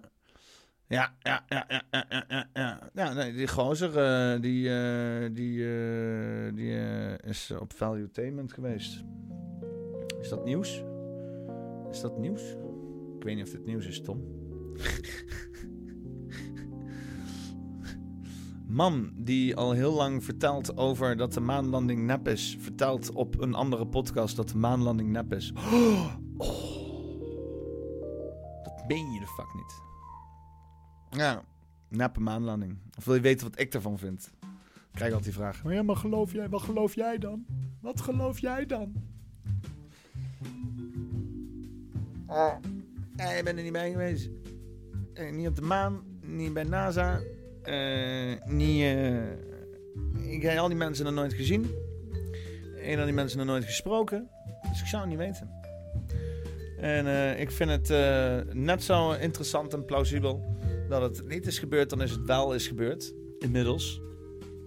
Ik vond het inmiddels vond ik het wel vrij ver gezocht. Ik denk, ah, is het niet gebeurd, dat is wel vrij gezocht. Na een beetje wat meer verdieping denk ik van, oké, dat is wat minder vrij gezocht. Uh, als dat ik in eerste instantie dacht. Maar ja, ik ben nooit helemaal overtuigd. Ik ben, weet je wel, ik ben me heel erg bewust van de hoeveelheid uh, bullshit en belangen die overal bij zitten. Dus ik heb altijd zoiets van, hè, muntje kan allebei de kant op vallen. Maar dat er zo, zo rare shit met de maan gaande is, daar ben ik wel inmiddels wel echt heel erg van overtuigd. Er is iets vaags met de maan. Of het nou is de verhalen die mensen erover doen, dat de, de, de, interactie die we daarmee hebben, uh, hoe, hoe de, de, maan in, in elkaar zit, wat de cijfers zijn rondom de maan qua afstand ten opzichte verhoudingen van. Er is een hoop rare shit gaande daar. Dus uh, ja, stuk plausibeler dat, gewoon, uh, dat, het allemaal, uh, dat het allemaal anders is dan dat je denkt. Inmiddels denk ik gewoon niks meer, dus ik verwacht dat shit anders is, weet je wel. Ik zit inderdaad te wachten tot er eindelijk eens een keer gewoon iemand komt met van... Oh ja, nee, nu gaan we echt naar de maan toe. ja, nee, nee, nu gaan we, nu gaan we voor echt in. Nu gaan we, gaan we echt doen. uh, van Moof failliet. Oh. van Moof. Dat is, dat is echt een, ik, heb hier nog geen fucking Van Moof gezien in Arnhem. Misschien kom ik te weinig mijn huis uit hoor, dat zou kunnen. Maar uh, uh, volgens mij is dit voornamelijk een westelijk probleem. West, nee, dit, volgens mij is dit een Randstad-probleem. Weet je wel? Daar hebben ze allemaal, allemaal rare fietstechnologie daar. En dan hebben een of ander merk van Moof. Waar al natuurlijk heel snel de grap kwam van Mof. Hè? En dan gaat je fiets weg. Dan, dan heb je juist geen fiets. Jouw Van Mof fiets wordt afgeleverd bij de Duitsers en krijg jij nooit te zien. Maar uh, Van Moof. Dus, uh, maar dat is failliet. Omdat er, uh, er, was... Ik, ik, weet niet, ik heb me nauwelijks in verdiept. Er was iedereen aan de scheidhekel aan die dingen. misschien was het iets met een rent, een leensysteem of zo. Of een soort van... nou ja, ik ga het even lezen. Eens even kijken. Een mooi fullscreen van maken zo. Kijk dan, wat, wat is dit dan voor zieke reclame hierboven? Ga eens weg, was dat geen reclame? Nee, maakt niet uit. Ongevraagd advies aan Van Moof. Geef iedereen hun digitale fietssleutel terug. In 2018 presenteerde Van Moof trots zijn nieuwe innovatie. Een slim slot ingebouwd in je elektrische fiets. Je zet het aan met een klein schopje tegen het achterwiel. Je zet het uit met een app of een code. Het slot is niet zomaar een slot. De wielen blokkeren. De fiets maakt irritante alarmgeluidjes als iemand eraan zit. Je kan de fiets tracken en het belangrijkst, de elektrische motor gaat uit. Kortom, het slot werkt goed. Misschien wel iets te goed, want fora als Reddit staan vol met eigenaren die hun fiets niet van het slot krijgen. Soms gaat de fiets, uh, gaat de fiets vanzelfs weer op slot. Daar sta je dan met je app in hand te kijken naar je glimmende object van een paar duizend euro. Gelukkig zijn er ook veel berichten te vinden over hoe Van Moof de fietsen weer repareerde. Zodat de eigenaren verder konden. Maar hoe moet dat dan nu? Het bedrijf eh, hoe moet dat nu het bedrijf failliet dreigt te gaan? Eén kapotte camera in je linkeroog. Joh, waar de fuck gaat het heen? Godverdomme. We willen niet zulke lange artikelen. Wat, wil u? Nou, joh, kun je een voorleessessie doen. eh. Nou, ik ben, wel benieuwd. Oké. Eh, Barbara Campbell, de gebruiker van een bionisch oog van het bedrijf Second Sight, kan je alles vertellen over wat er gebeurt als je ook na de aankoop afhankelijk bent van een bedrijf voor het functioneren van je spullen. Second Sight ontwikkelde een apparaat waarmee slechtzienden alsnog konden zien. Het retinal implant. Een soort camera die rechtstreeks met je hersenen is verbonden.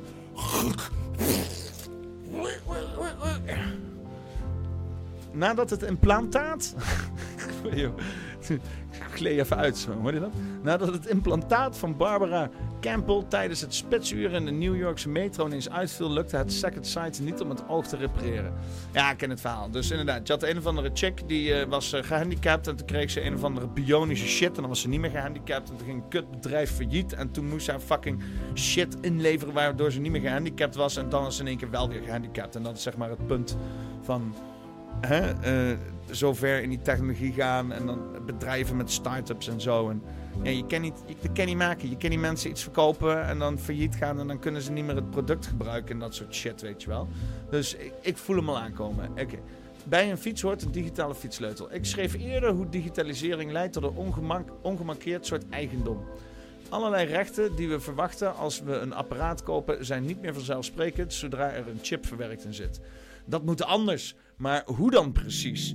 Dat is nog niet zo makkelijk. De Amerikaanse hoogleraar Paul Ohm deed een creatieve suggestie. Digitale apparaten zouden verplicht een legacy switch moeten krijgen. Een fysieke knop waarbij je alle digitale functies van een apparaat kan uitschakelen, maar nog wel de standaard functies kan gebruiken.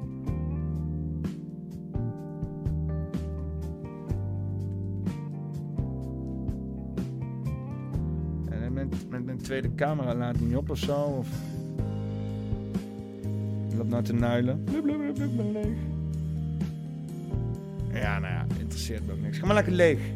Eh, eens even kijken. Dat moet anders. Maar hoe dan precies? Dat is nog niet zo makkelijk. De Amerikaanse... Oh, wacht even. Dat heb ik al voorgelezen. Even een kleine side note hier. Allerlei rechten die we verwachten als we een apparaat kopen... zijn niet meer vanzelfsprekend zodra er een chip in verwerkt zit. Dat is al heel lang. Sinds de jaren 80 in principe. Een aardig idee. Maar als je er wat langer over nadenkt, ook onbevredigend. Oh, als een slap pik of een droge kut. Dat is banaal voor mij, hè? Mag ook wel. Het is eh, kwart over negen. De kinderen liggen op het bed, denk ik. Als je kinderen niet op bed liggen, stuur ze naar bed, joh. Hé, hey, Kotus, geslapen, jongen. Morgen weer een nije dag. Ik heb weer s ochtends om 7 uur je ouders gaan bakken stampen. Dat dag. ik heb geen kinderen. Godzijdank. Want veel van die digitale functies zijn juist handig. Denk bijvoorbeeld aan een digitale Van Moof-slot dat de elektrische motor uitschakelt. Dat soort digitale functies zijn misschien wel juist de reden waarom je zo'n product koopt. Zou het dus niet beter zijn als Van Moof zijn fietsen had geleverd met een digitaal fietssleutel en software, zodat ze blijven werken ook als het bedrijf failliet gaat? Zodat je het digitale slot kan repareren, ook als de software kapot gaat. Wanneer de gemiddelde gebruiker moet, even kijken, want de gemiddelde gebruiker moet maar net weten van het bestaan van de app, van de concurrent en gaat al helemaal niet zitten pielen met computercode van hackers om een sleutel uit zijn fiets te vissen. Hé Wout, ik zie hier een bedrijfsmodel. Ik zie hier een bedrijfsmodel. Het onafhankelijk maken van het jailbreken van gewoon producten. Gewoon doen. Jailbreken van producten van failliete bedrijven. Kun je toch niet aanklagen? Bitches zijn failliet. Fuck it. Producten kosten duizenden euro's. Nou, ja, boeiend. Eh, zou het dus niet beter zijn geweest als Van Moof fiets had? Fietsen, heb ik dit dan al gelezen? Fietsen, vissen. Ja. daarom mijn ongevraagd advies aan een eventueel curator van Van Moof. Geef iedere gebruiker alsnog software eh, om de digitale fietsleutel op te vragen. Het liefst inclusief software om hun fietsen draaiende te houden. Ook nadat de deuren van het bedrijf zijn gesloten.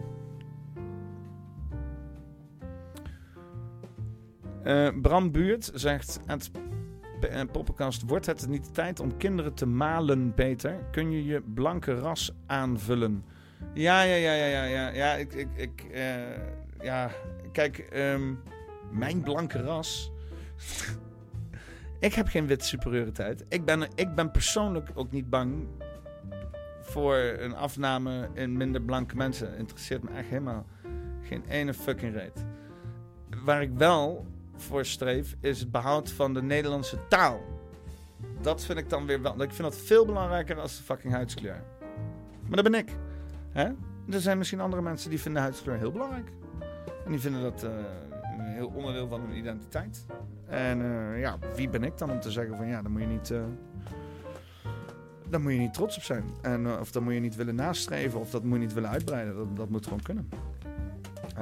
Iedereen heeft zoiets ik zelf heb niet zoveel uh, met, uh, met, met, met, met, met huidskleur. Denk ik. Um, ik vind het wel interessant. De gesprekken altijd. Maar mij maakt niet uit uh, of, of, ik, een, of ik een, een, blanke ras wil. Nee. nee. Ik wil vooral Nederlands sprekende mensen. Dat vind, ik heel, dat vind ik heel fijn. En dat is voornamelijk omdat ik Nederlands spreek. En andere taalsprekers gewoon kut. Oh, Nederlands spreken. En Nederlands is ook gewoon een vette taal. Het is gebrekig. Maar het is ook hilarisch. Dus ja, Bram Beurt zegt een blank glimp toch wel meer dan een gekleurd kind. Glimp. Glimp toch wel meer. Glimpt. Ja, nee, oké. Dat, dat kan. Is dat goed? Is dat slecht? Ik weet het niet. Ik vind het, het is best. Het is prima. In elk geval. Um, even kijken. Dat laatste is niet makkelijk, want de code is geschreven voor intern gebruik door Van. En die code vertalen zodat, er andere, uh, zodat anderen ermee uit de voeten kunnen kost geld. Maar het alternatief, de servers en de app uh, tot het einde der dagen in de lucht houden, kost ook geld. En dan kunnen we ondertussen nadenken over betere wetten. Zo voorkomen we dat in de toekomst apparaten niet meer werken zoals producten failliet gaan. Ja, en dat is ook wel goed, want uh, als we dat inderdaad gewoon een beetje dichttimmeren. En dat we inderdaad gewoon. Uh, ja, dat is waar die Ros, uh, die, die Rosman duwt ook voor vechten of zo. Weet ik van die. Weet je, de right to repair. Dat je gewoon eigendom hebt over je producten. Um, ja, het kan best zijn dat dit probleem zich dus ook misschien wel zichzelf oplost. Hè? Als er dus in één keer straks een of andere politici in een auto zit en in één keer stopt zijn auto ermee omdat het bedrijf uh, failliet is gegaan. Tesla is failliet gegaan en daarom werken alle Tesla's niet meer. ja, en dan komt er heel snel wetgeving in één keer. Van Moof. Waar een gek zeg. Eens even kijken. Waar hebben we hier? Accepteren en schließen. Datenschutz. Kan ik ook gewoon niet accepteren en schließen? Nee, ik moet accepteren en schließen. Oké, uh, wat is... Wat, wat is dit? Waar ga ik naar kijken? Uh, styling van regeringsleden Duitsland voor zes maanden kost de belastingbetaler een half miljoen. Is koopje. Schandaal van een half miljoen. Poh wou dat hier in Nederland uh, zo goedkoop was. Ons verdwijnen een miljarden zo. Zo, zo. Poppenkast. Wat is dit voor een poppenkast? Even kijken. Uh, uh, Bram Beurt zegt nog... eye candy als je met je wandelwagen door de straten loopt. Ja, ik weet niet. Ik denk als je zeg maar een kind neemt... om dat dan vervolgens te gebruiken als showobject... dat je beter gewoon geen kinderen kan nemen, maat. dat is mijn mening. Uh, staat daar nou dat Van Moof haar eigen taal heeft? Uh, uit de poppenkast? Dat is niet waar. Wat wil jij nou weer? Ik, ik, ik heb zoals gewoonlijk weer eens geen idee waar het over hebt, Jelle. uh, eens even kijken. Eh, dat is wat Baerbock en Co. in slechts 180 dagen, dagen aan hun styling heeft overwonnen. Wat is het? Waar gaat het over? Even kijken. Oké. Ah, wat een heel artikel, jongen. Ah, ik word er helemaal niet goed van. Nou, dit is de meest geartikelde eh paffie. En Misschien, eh, nou als jullie het leuk vinden. Als jullie het leuk vinden, vind ik het ook leuk. Hij zou veel. ge- Even kijken, ik ga eerst even deze, deze fucking poll beëindigen. En ik ga het ook wel even vragen, want ik ben ook wel benieuwd. Een poll starten. Meer of minder lezen? Meer. Minder. Evenveel. Vind ik dan zelf grappig. Ja, Thijs. Ja, ja, het is nou een beetje een besmeurd, eh, besmeurd woord, maar eh afijn. En dan ga ik ondertussen wel even door met lezen. Ehm Laila zegt, stay on topic, man. Ik zit tussen topics in. Laat me gewoon even acclimatiseren. Probeer te begrijpen wat hier gaande is. Hij zou veel geld moeten betalen voor cappers, visagisten en fotografen.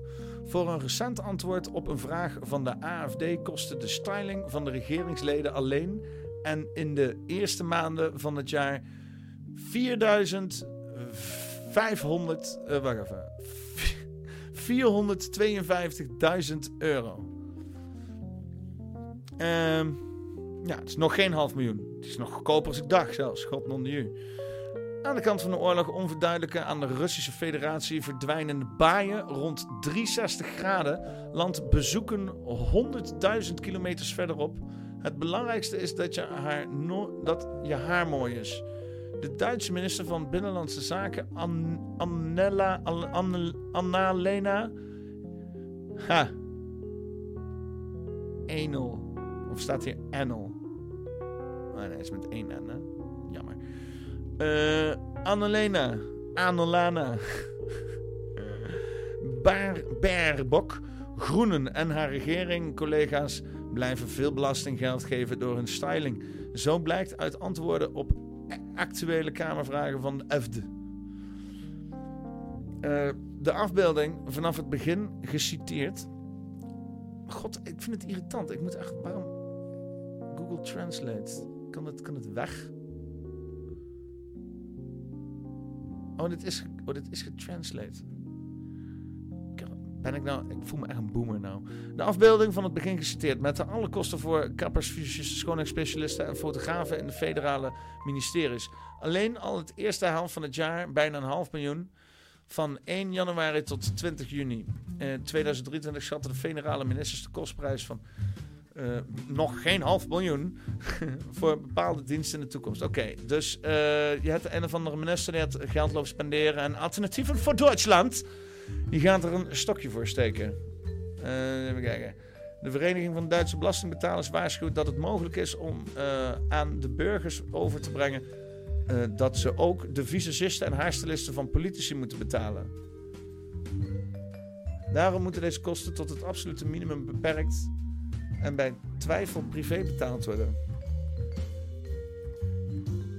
Kill fix gewoon je eigen fucking make-up, bitch. Je krijgt toch gewoon een loon. Betaal gewoon je shit van je loon. Iedereen die moet toch gewoon van hun loon een fucking dag te komen. Wat, is- wat is dit nou? Ja, nou, dat moet, mijn werkgever betalen hoor, hoe ik eruit zie. Kill fix je fucking zelf. What the fuck is dit, joh? Ook in het Duits zegt staatsadvocaat Christian Hilgruber, 59, dat er een wet over het nieuwe jaar in de tekst staat. De federale oververhitting is in voor eh, het principe van zuinigheid en spaarzaamheid. Zuinigheid! Bitch geeft een half fucking miljoen uit aan make-up en shit. Kerel. Waar is Ewoud met een goede SB Ashwin? Er werden een paar claims ingediend vanwege de groenminister Annela. Nou, oké, ja. Ah. Ja. Weet je, weet je wat het is? Ik wilde dan niet meteen eh, naar een of ander seksistisch ding gaan doen, hè? Want je kan natuurlijk zeggen van... Ah, fucking bitches. Eh, mannen zullen waarschijnlijk ook eh, met geld gaan smijten. Alleen dan waarschijnlijk meer voor hoeren. Hoeren op kosten van de belastingbetaler. alleen dat het al kan, zal aantrekkelijk zijn, hè? hey, eh, ga je mee naar de hoeren? Op kosten van de belastingbetaler.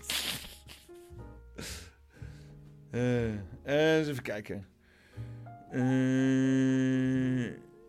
uitvinder cosmetische penisimplantaat heeft last van plagiaat. De grote penisoorlog. Leuk. Weer een fucking artikel. Waarom, waarom kom je dan niet gewoon leuke films van? Ben ik de enige die er een filmpje over maakt? Misschien moet ik ook gewoon ophouden met zeiken. Echt ja. Even kijken. Meer of minder lezen. Me meesten zeggen meer. En de meesten zeggen ook evenveel. En heel veel zeggen Thijs. Heel weinig mensen zeggen minder. Nou, ik doe het allemaal wel hoor. Oh. Verkeerde beeld op fullscreen gezet. Is oké.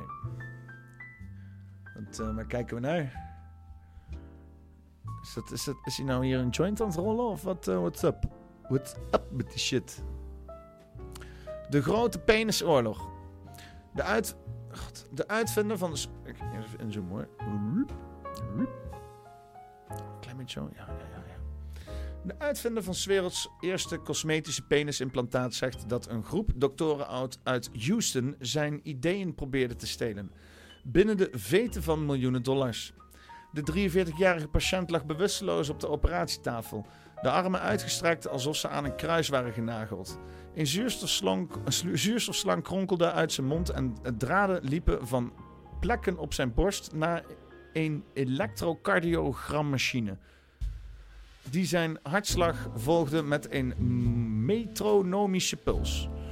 Een forse man, 220 pond. Ah, schoon aan de haak! Een paar centimeter verlegen van 1,80 meter. Zijn naakte torso was bedekt met een blauw laken. Kan het ook iets minder visueel schrijven? God non de ju. Fijn. Dan heb ik het beeld in mijn hoofd van een of andere dikke walvis op een tafel met allemaal kabeltjes.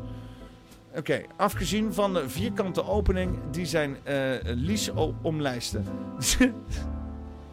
Die wil alleen maar zo'n pik eruit zo.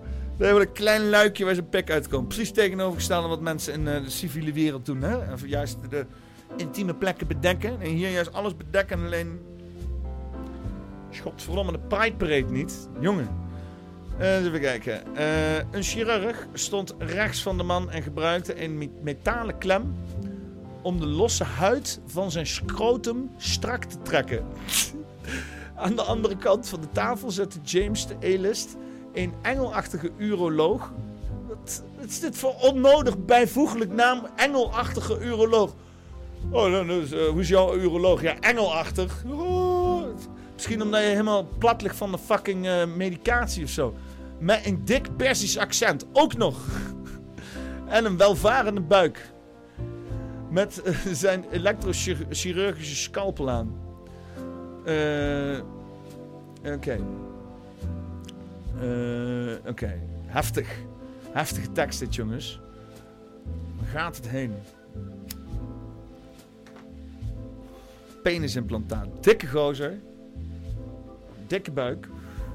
En die keek naar beneden en die dacht... Ik zie mijn pik niet meer.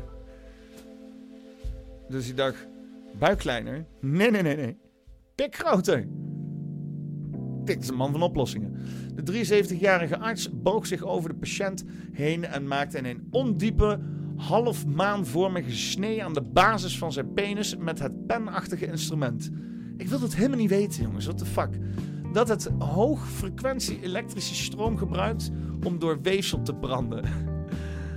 Een dunne pluim witte rook en een scherpe geur van geschroeid huid stegen op uit de incisie. Zat die gast erbij of zo? Wat is dit? Terwijl de chirurgische technicus de snee openhield met een retractor, stak Elis een gehandschoende vinger in de scrotumzak en omhoog langs de schacht van de penis. Toen als een goochelaar die goochelarij uitvoert. Oh ja, nee, nee, niet als een goochelaar die timmer, timmerwerk uitvoert. God non nu. Wat is dit voor schrijver, kerel? Wat is dit? Oh, net als een slager die slagerijzaken uitvoert. Oké, klapte hij behendig de huid van de penis binnenste buiten om een buisvormig, melkachtig wit orgaan te onthullen ter grootte van een wijsvinger. Ja, ja, ja, ja, dat heeft hij geschreven om de man eh, te verdedigen. Dit is de penis zonder huid, vertelde Elist me. Kijk, Elist. Kijk, dit is nou een penis. Het zag eruit. eh, even kijken. eh, het zag eruit als een onzichtbaar wezen dat in de diepte van de oceaan werd gevonden, waar zonlicht nog nooit doordrong. Ja, in zekere zin is dat ook waar. Weet dat eh, die voor mij diepe oceanen heeft. eh, diepe donkere oceanen heeft betreden. In ieder geval. Hij legde de penis neer en pakte een doorschijnend siliconen omhulsel dat aan één kant openging als een hotdogbroodje. Elis kneep in het apparaat om zijn flexibiliteit te demonstreren. Het Penuma, een samenvoeging van Penis, Penis Newman, is 's werelds eh, eerste en enige door de FDA goedgekeurde cosmetische pedisimplantaat. Zegt, sinds hij de uitvinding patenteerde in 2002, heeft Elist duizenden penuma's geïmplanteerd in zijn privépraktijk in Beverly Hills, Californië. Natuurlijk, waar anders? Centrum van onzekere mensen. Sinds hij de uit... eh, oh, wacht ben ik al geweest. Eh, waar eh, ik deze operatie observeerde. Oké, nou. De prosthese gaat onder de huid van de penis met een omtrek van maximaal 5 centimeter. En is verkrijgbaar in vijf maten. Variërend van L tot XXL. Niemand die een S bestelt? Niemand legt de eilist uit, wil een medium. Ja, tuurlijk. Tuurlijk. Het is gewoon marketing dit. Het is gewoon marketing. Is hele Elis doet, die eh, doet gewoon aan marketing. En hij doet het goed. Hij heeft, hij heeft zijn, eh, zijn doelgroep. eh, eh, eh, dat is gewoon ondernemer ook. eh, Weet je wel, zijn doelgroep eh, bepaald. Nou, mensen in Beverly Hills. Wat ontbreken die? Eh, nou, een, eh, een, een goed zelfvertrouwen. Ehm, eh, waar haal je die het meest vandaan? Eh, uit je, de lengte van je orgaan. In ieder geval in zeker de helft van de bevolkingsgroep. Eh, dus eh, we hebben hier zeg maar een, eh, een, een, een gat in de markt. Een, een, een, kleine penisgat in de markt. En hij is daar grote penissen in gaan verkopen. Ja, ik bedoel, businessplan is businessplan. Eens even kijken, de grote penisoorlog. Ik moet eerlijk zeggen, deze gozer die dit schreef, had wel iets minder... Ik bedoel, hij snapt dat het hilarisch is. En hij loopt hier gewoon de boel op te naaien met zijn visuele beeldspraak. Het slaat helemaal nergens op. De engelachtige uroloog. Toch op, man. Wat hebben we hier nou dan weer? Forever Chemicals zouden in bijna de helft van het kraanwater in de VS kunnen zitten. Zo blijkt uit een federale studie. Jo, daar hebben we het ook niet pas een half jaar eh, of een halve eeuw over of zo. Staan mensen fucking al een decennia bij om, om Dupont eh, te schreeuwen en eh, weet ik veel wat. God, god, god. Wat, wat zijn dit trouwens voor artikelen, kerel? Wie de fuck is dit? Jelle dit allemaal?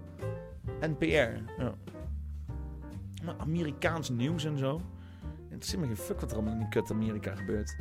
Minstens 45 van het kraanwater van het land eh, zou besmet kunnen zijn met tenminste één vorm van PFAS die bekend staat als Forever Chemicals. Volgt een recent vrijgegeven onderzoek van US Geologic, Geological Survey.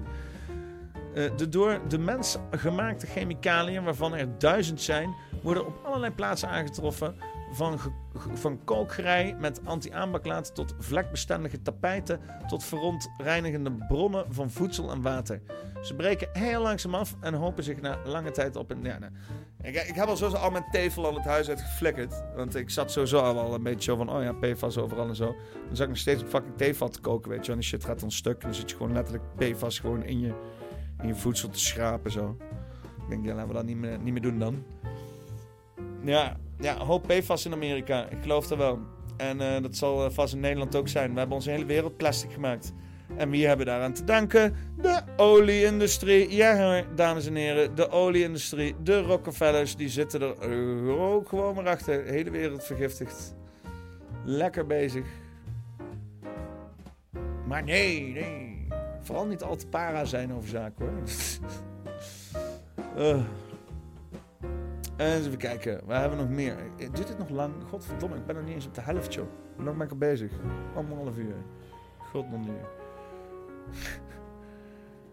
Eh, Twitch OnlyFans streamer Amurat verdient 2 miljoen per maand door te slapen. ik geloof het best. Ik geloof het helemaal. Ehm vloggende agent verliest zijn rijbewijs. Reed 51 km per uur te hard. Nou ja, oké, dan kunnen we wel even kijken toch. Dat is lachen. Eens even kijken. Nou, hier, hem. Daar is hem, jongens. Daar hebben. Deze man wordt nu wordt, eh, hè? wordt eh, voor, eh, voor de leeuwen gegooid.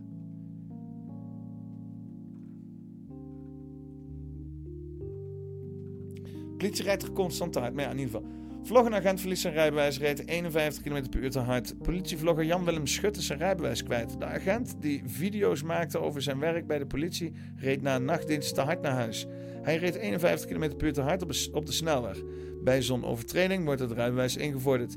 De overtreding kwam eh, aan het licht door een artikel van RTL Nieuws. De zender had eh, van goede ingevoerde bronnen binnen de politie over de staande houding van Schut gehoord. Volgens RTL zit de politietop met de kwestie in zijn maag. Ik heb het idee dat ze van hem af moeten. ik, krijg, ik krijg heel sterk de indruk dat ze van deze, van deze gabber af moeten. Ik weet niet waarom. Maar ja, afijn. Na vragen van RTL bevestigde Schut zelf ook dat eh, hij in fout was gegaan. Door er een video over te maken op zijn YouTube-kanaal. Ik moet als politieambtenaar weten dat dit consequenties heeft, eh, dat dit gevaarlijk rijgedrag is en dat het een forse verkeersovertreding is. Volgens RTL vond het incident met Schut op 9 juli plaats. De video van de politieman kwam zelf vandaag online. Zoals gebruikelijk is als iemand 50 km per uur of meer te hard rijdt, eh, is het rijbewijs van Schut. Eh, zoals gebruikelijk is als iemand 50 km per uur te hard rijdt, of meer te hard rijdt, is het rijbewijs van Verschuk opgestuurd naar het Openbaar Ministerie. Wat een rare zin, of ligt er nou mij? In ieder geval, rijbewijs opgestuurd naar het Openbaar Ministerie. Innovatieve justitie beslist wat ermee gaat gebeuren. Zoals jullie wel eens vragen of een politieagent zelf een boete moet betalen. Het antwoord is natuurlijk ja. Ah, daar gaat het, daar gaat het om. Het kan dus, dus dit is gewoon PR. Dit is gewoon een PR-truc. En deze man wordt erbij gebruikt. Hij zei, weet je wat, ik heb mijn rijbewijs zo niet nodig. Gooi mij maar voor de, voor de bus. Ik denk als je echt gaat graven, dan kan elke fucking toch wel eens te hard of niet dan. Schut is agent bij eenheid Midden-Nederland en maakt sinds 2016 voor de politie video's op YouTube over zijn werk. Over de videosite zijn inmiddels zo'n 333.000 hmm, hmm, mensen geabonneerd op zijn kanaal. In de filmpjes laat Schut zien wat het werk van de politie inhoudt. De politievlogger kwam eerder in opspraak omdat zijn video's persoonsgegevens te zien waren die tot betrokken personen te herleiden zijn. Het programma Pointer, Pointer onderzocht in 2019 de video's van Verschut en ontdekte dat in zeker 22 gevallen de vlogger privacyregels overtrad. Lol. Maar dat doet hij toch in opdracht van de politie? Wat, of krijgt hij dan, wordt hij dan persoonlijk verantwoordelijk gehouden of zo? Nou, ja, nou ja, prima, weet je wel, mij maakt het helemaal niet uit. Maar het is gewoon ongewoon. Uh, ongewoon. Ah, een video. Fijn. ready for... Dan kan ik ook even meteen bier bouwen. Oh, dat is helemaal niet nodig. Ik heb tegenwoordig uh, ook een nieuw bier, maar wel Hertog Jan. Hertog Jan Grand Pilsner. Ze zijn met nieuwe shit gekomen. Ja, het is mijn favoriete bier. Ik, ik kan dat niet laten liggen. Ik kan niet zeggen van, oh, dat ga ik niet, dat ga ik niet proberen. Het smaakt gewoon lekker. Het is gewoon pils. Wat ik denk, is dat ze een upper class maken. Uh, en uh, om de prijs te verhogen. En dan wordt dat het normale bier. En dan wordt de normale Hertog die wordt dan uh, goedkoper bier. Uh, niet goedkoper in prijs, maar goedkoper in productie. Snap wat ik bedoel.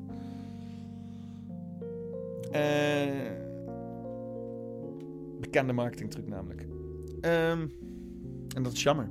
Dat is, dat is hoe al onze producten naar de gaat gaan. Zullen we eens even kijken naar Redacted. More lockdowns, folks, in the United Kingdom or around the world. We've been warning you, of course, that lockdowns are about to happen, could happen again. And this time they've been warning us that it could be even worse than before. And the biggest concern, of course, that it would be children. That this time, this new virus, whatever they're going to release, whatever's coming out now, part two, will be more deadly and it will specifically go after children. So, lockdowns, we didn't do them quite as stringently as we could have before, but now we will do them better this time. That's what they want. All right. Well, we're being warned to be on the lookout for a new virus called CCHF. It's the Crimean Congo hemorrhagic fever. I'm going to call it CCHF if that's all the same to you. Now, we're being told that some cases have already been reported in Spain, and most likely it's going to move west. Uh, the last case in Spain was in 2016. More recent deaths have happened in Pakistan. So let's go through this because when they say, like, oh my gosh, it's already in Spain, it has been, like I said, for seven years now. Um, so, what is this? Is it serious and is it real? Let's go through it. In 2011, the Journal of Infectious Diseases published this paper from Indian researchers uh, when cases of CCHF started to cause an outbreak in Gujarat, a western state in India. Now, here is the history of this virus and why it's named after Crimea and Congo, two places that are very far apart, if you know your geography. Um, that's because it was first discovered uh, among Soviet Union personnel from the military in Crimea during the World War II. So it was named Crimean hemorrhagic fever, but then it was shown to be similar to this Congo virus that caused febrile illnesses in Belgian Congo. So the linking of the two names. So that's why we're calling it that. So um, it, inevitably, you know, when these names, when these viruses have names of places, uh, now we all have to be sensitive to whether or not that's racist or whether or not that means anything. Well, locational places aside, let's, you know, this doesn't sound like a fun thing to actually get. Uh, it's transmitted through ticks, but it can pass through livestock to humans too. This also is from that research paper. Paper. So see, these ticks can bite like the bunnies and the livestock or the cows, and then pass that on. Uh, this is another thing where like, oh, okay, are they gonna, you know, warn us about meat now? The next pandemic is that going to be a thing? You know, I'm just looking at this and like reading between the lines. This is me extrapolating. We don't know yet, but now we've been conditioned to ask questions like this. So, okay. Um, and infected people can infect one another too. Uh, it says here that even though it's a tick disease, secondary cases are frequently seen due to human to human transmission via percutaneous or uh, mucosal exposure to blood and bodily fluids. Uh, this uncommon transmission takes place most often among healthcare workers in hospital settings. Well, how serious is it? Well, this one has a much higher fatal rate than COVID. So, you know, when they say, like, oh, we didn't get their attention enough last time, does this number get your attention? 40 to 60% fatal in some cases. Uh, disease is fatal in 40 to 60% of cases. Uh, severe cases, death occurs as a result of multi organ failure, uh, intervascular coagulation, and circulatory shock. So, yeah, it's bad. It says patients may also have a feeble pulse uh, tachycardia, loss of hearing, loss of memory. Also, it can cause headaches and vomiting and upset stomach. Now, this is there is actually a known vaccine that was discovered as far back as 2010. It comes from mouse brains. Would you like that? A mouse brain vaccine? Hmm. It's um, an inactivated suckling mouse brain derived vaccine. Has been used in Bulgaria for protection against CCHF. But there is also a patent for an antibody treatment in the United States that has been pending since 2011. Take a look at this. Uh, all of these pharmaceutical companies have an anti Crimean Congo hemorrhagic fever virus antibody uh, that they have with the U.S. Patent Office just sitting there waiting for final approval um, by these biological, bi- biopharmaceutical institutions. Um, interestingly enough, MAP Pharmaceuticals, which is lift, listed there, is also working on Marburg virus. Remember, we talked about Marburg virus back in March and how the World Health Organization was warning us that this also could be the next pandemic. Uh, but already the media is picking up on this uh, CCHF as a climate change issue. Nobody has proven that. They just feel comfortable running headlines like this climate change helping this new virus, deadly virus, spread. They're saying it's warmer waters and warmer weathers that lead to drier Vaccin... Vaccinerend, zegt Ban. Mooi man. summers that's causing ticks to move through Europe. Only again, the cases in Spain were detected in 2011 and 2016. So, how does current climate affect the ticks? Well, we don't know. I mean, Spain is in the Iberian Peninsula where we live, and we had record rainfall this year. So, who knows if that actually changes things? Um, but, you know, if you again look at this, they're saying you know, this is not hypothetical. Something already happened. Um, you know, Spain detected these cases in 2016 and 2011. But this climate change narrative that's not been proven anywhere, it's it is in fact hypothetical. Like this this says, you know, it's it's not hypothetical. It literally is. Like it's not proven. It is a hypothesis, but okay.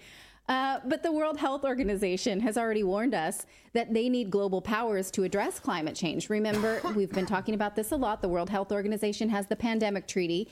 They want powers that supersede every world government so that they can make decisions in order to prevent pandemics, right? Or control pandemics. Well, here is from that treaty that we warned you about just a few months ago. Uh, they said that they are going to address these drivers of emergence and reemergence emergence of disease at the animal human animal environmental interface including but not limited to climate change land use change wildlife trade desertification and an- antimicrobial resistance so they've already said hey, we need control of how you use land. We need control of everything because climate change can lead to pandemics, which gives us the power over everything, right? So we're already trained to listen for that kind of thing. And again, they're claiming that anything and any and everything and anything is regarding land use, which like I can't fly, can you? Like that's everything basically. Uh, you know, they need to be in charge of it, redistribute it, make decisions about it because of possible pandemics. Uh, so again, no one has proven that CCHF is actually migrating because of climate change. Um, even though the media tells us this is hypothetical, it is literally the definition of a hy- hypothesis. But okay, uh, so we'll watch this one. Um, But, these it- professors are saying, like, yeah, it's coming.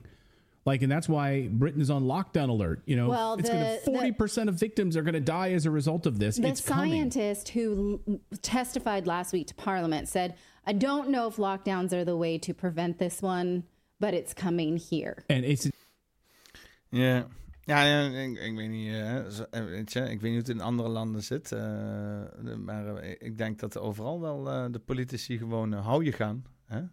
Maar ook al verkiezingen in Spanje en zo. Daar komen straks ook nog uit. Maar eh, ja, ja.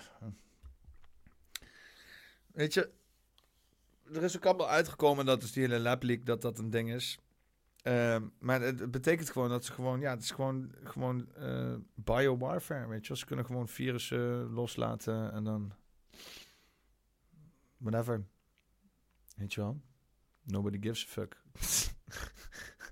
oh nee, virus, helemaal vol stoppen met deze meuk. Allemaal meuk in me stoppen om het virus... Is dubbel, dubbel vergiftigd gewoon. Ja. Lijp, lijpe situatie. Eh, gewoon, eh, gewoon een goed immuunsysteem hebben, maat. Gewoon goed. Goed. Het lichaam kan veel hebben. En dan, eh, ja, de sociale hysterie. Ja, dat is natuurlijk dan weer een heel ander verhaal. Maar dit weten we elkaar te vinden, of niet?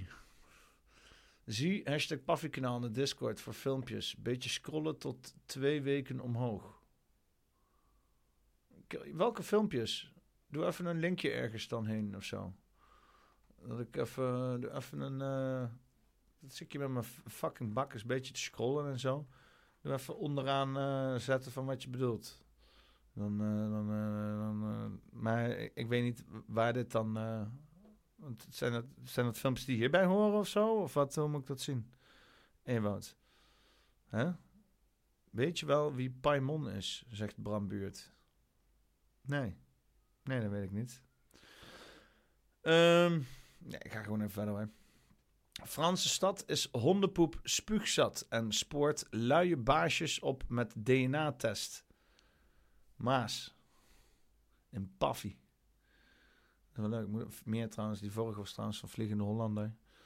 Shout-out naar iedereen in de Discord. Wil je ook in de Discord? Dan klik op het linkje die eh, straks gepost wordt door eh, een van de moderators.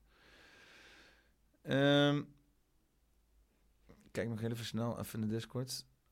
Deze is wel mooi bijvoorbeeld. Oké. Ja, maar dit is dus weer... Zo'n eh, moment in ieder geval, of misschien wel het meest memorabel, was natuurlijk die speech voor de VN-veiligheidsraad op 22 juli 2014. Dat was vijf dagen na de ramp met de MH17. Ehm, als minister van Buitenlandse Zaken vraagt hij daar aandacht voor wat er gebeurd is. Since Thursday, I've been thinking how horrible must have been the final moments of their lives when they knew the plane was going down. Did they lock hands with their loved ones? Did they hold their children close to their hearts?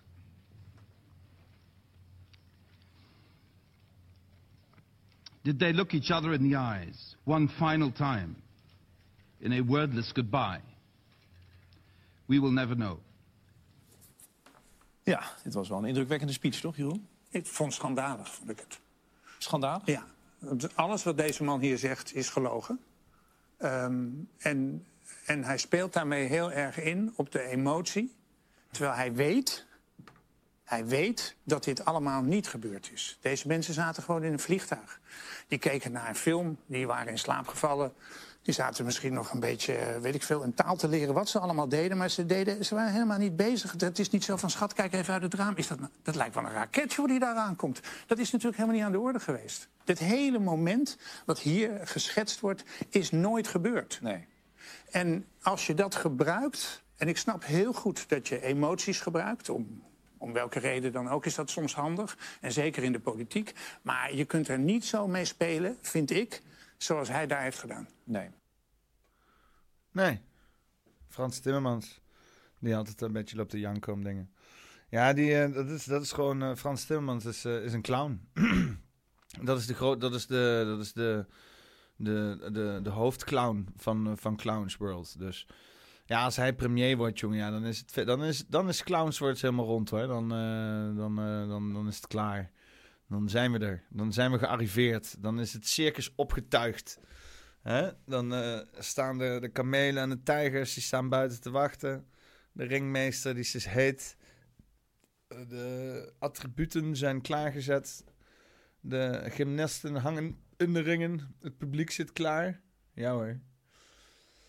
Ehm, Franse stad is hondenpoep spuugzat. oh, wat een, een eclectische mix aan eh, eh, nieuws. Zo. Deze wat zachter zetten. Dat is oké. Even kijken. De Franse stad is, een, is hondenpoep en spoort luie baasjes op met DNA-test. De Zuid-Franse stad Béziers, de staat Beziers, hè? Beziers eigenlijk. Ik, ik gok dat, er, dat het uit wordt gesproken als Beziers of zo. Heeft genoeg van hondenbezitters die de uitwerpselen van hun dieren niet opruimen. Daarom spoort de stad hen, eh, eh, hen op met behulp van DNA-testen. Oké, ja, oké, dat gaat inderdaad wel, eh, dat gaat wel fur. Voor de DNA-testen moeten hondenbezitters een genetisch paspoort laten maken van hun viervoeter op die fiets. Ja, ja, ja. Nee, ik dacht heel even dat ze dan in die stront gingen graven op zoek naar de DNA van het baasje. Ze dan denk ik bij op de stoep staan. Nee, we hebben jouw DNA getrekt uit de hondenpoep van je hond. Ik weet niet of het er daar zou zitten, maar... Eh, even kijken. Dus de, de, de, hond, de hond wordt ge- teruggespoord. Ja, eh, ja. ja, luister, je huisdier wordt sowieso al gechipt en shit, hè. Als je ziet hoe eh, de toekomst van de mensheid eh, eruit ziet, dan moet je zien hoe we eh, huisdieren eh, behandelen. Opsluiten in een klein woningje, achterlaten als we ze even niet kunnen gebruiken, chippen. ja, zo, zo worden wij ook straks gezien. En zo worden we nu al gezien. Zo worden we nu al gezien. Worden ze ook al behandeld vaak. hè. Dan moet eh, ehm, de politiek die doet dan eh, gedragsveranderende maatregelen doen ze, doen ze invoeren. Dus niet gewoon zeggen tegen ons van waar het op staat en dat we dan eigen keuze kunnen maken. Nee, nee, nee ze, ze zeggen juist niet waar het op staat. En dan gaan ze de boel proberen te manipuleren, zodat er maximale gedragsverandering uit ontstaat. Zoals hun dat. ehm, ehm, zoals hun dat eh, gepast achten. En eh, daar zelf hebben we daar geen, geen, geen, geen zeggen. Nee, nee, nee, nee. Nee, we moeten dat maar gewoon ondergaan en blij zijn. Dat er mensen zijn die ons zo zorgen maken over ons. Dat ze ons gedrag willen veranderen. Weet je wel? Eh, even kijken. Ja, hondenpoep. Wa, wa- een, ja, huisdieren chippen. Ik denk ze gaan de baasje opsporen. Dat heb ik wel nieuws gevonden. Dat ze DNA gebruiken om je hond eh, op te sporen. Vind ik niet zo, vind ik niet zo raar. EU schrapt verbod op gevaarlijke chemicaliën na druk vanuit de industrie. De Europese Commissie staat op het punt een belofte te breken om alle gevaarlijke chemicaliën in Europa, behalve de meest essentiële, te verbieden. Blijkt uit gelekte documenten. Aha. Gelekt. Zijn ze dan ook erg vloeibaar? Lezen jullie mee met mij? Exclusief. Uit gelekte documenten. Dus niet uitgelekt, maar de gelekte documenten en daaruit blijkt het dan. Hè? Dus uit gelekte documenten. Niet uitgelekte documenten, maar uit gelekte documenten blijkt dat slechts 1% van de producten die gevaarlijke stoffen bevatten verboden zou kunnen worden. BASF. Leuk feitje. BASF is een voortzetting van. eh, God, hoe heette die gasten ook weer? Die, eh, die, die, die B hebben ontwikkeld. Eh. Nou, ja, in ieder geval. de makers van Zyklon B was ook een ch- chemiebedrijf. En dat is uiteindelijk doorgevloeid in, in BASF, onder andere. Is gewoon, gewoon een feitje. Gewoon een feitje. Eh, de Europese Commissie staat op het punt een belofte te breken om alle gevaarlijke chemicaliën in Europa, behalve de meest essentiële. Hè? Mag wel wat gevaarlijke chemicaliën zo, eh, dat mag wel. Dat is, dat essentieel. Hebben we nodig. Hebben we nodig deze vergiftiging. te verbieden. Blijkt uit gelekte documenten. De belofte om de meest schadelijke chemicaliën in consumentenproducten te verbieden en ze alleen te gebruiken daar waar nodig is, was een belangrijk onderdeel van de Europese, Green Deal. Maak dan ook European Green Deal van. Van de Europese Green Deal.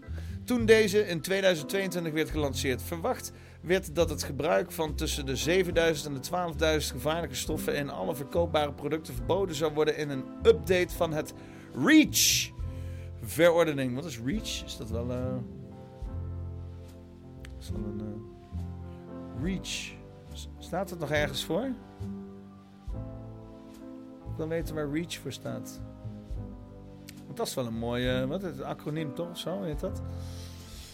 De Europese Unie is vaak niet zo heel goed in dat soort dingen. Maar. Verordening van de EU, eh, waaronder veel voor altijd, voor altijd chemicaliën. Forever chemicals. Dat is natuurlijk automatisch vertaald. dit. Ik denk, oké.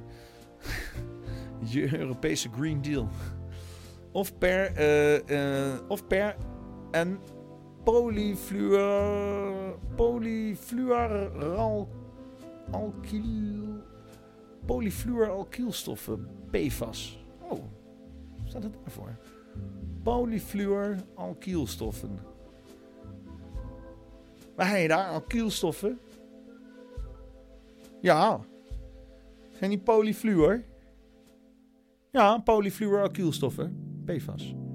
Zo, zo, zo bouw ik voor mezelf eh, bruggetjes in mijn hoofd om woorden te onthouden. een gesprekje tussen twee van die, van die tamme gasten, weet je wel. Wat hebben we stoffen? Alkylstoffen? Fluoralkylstoffen? Ja, poly. Men de polyfluorokilstoffen. Ja, fijn. Eh, die, zich ophopen, die zich ophopen in de natuur en menselijke lichamen. En eh, zijn in verband gebracht met verschillende hormonale, reproductieve en kankerverwekkende ziektes. Maar The Guardian heeft vernomen dat de uitvoerende macht van de EU op het punt staat af te dalen onder zware druk van Europese chemie-industrie en rechtse politieke partijen. Extreem rechts zit weer in de weg voor de Europese chemische industrie. Oh, maar we willen gewoon de wereld vergiftigen. Nee, dat mag niet. Jullie zijn extreem rechts. Een uitgelekt wetgevingsdocument dat door The Guardian is aangezien stelt drie opties voor die 1%, 10% of 50% van de producten die gevaarlijke chemicaliën bevatten die momenteel op de markt zijn, zouden beperken. De EU kiest doorgaans voor de middelste optie. Oh, lekker, lekker, lekker door het midden. God, wat een artikel is dit zeg. Non de Dieu. Oké, ik sluit hem gewoon af. Een woordvoerder van de commissie zei dat Brussel ernaar streeft om op een evenwichtige manier rekening te houden met de opmerkingen van de belanghebbenden van alle kanten. Och, wat een controversieel statement zeg. Dit weerspiegelt alle doelstellingen van de REACH-verordening, die gericht is op hoog niveau.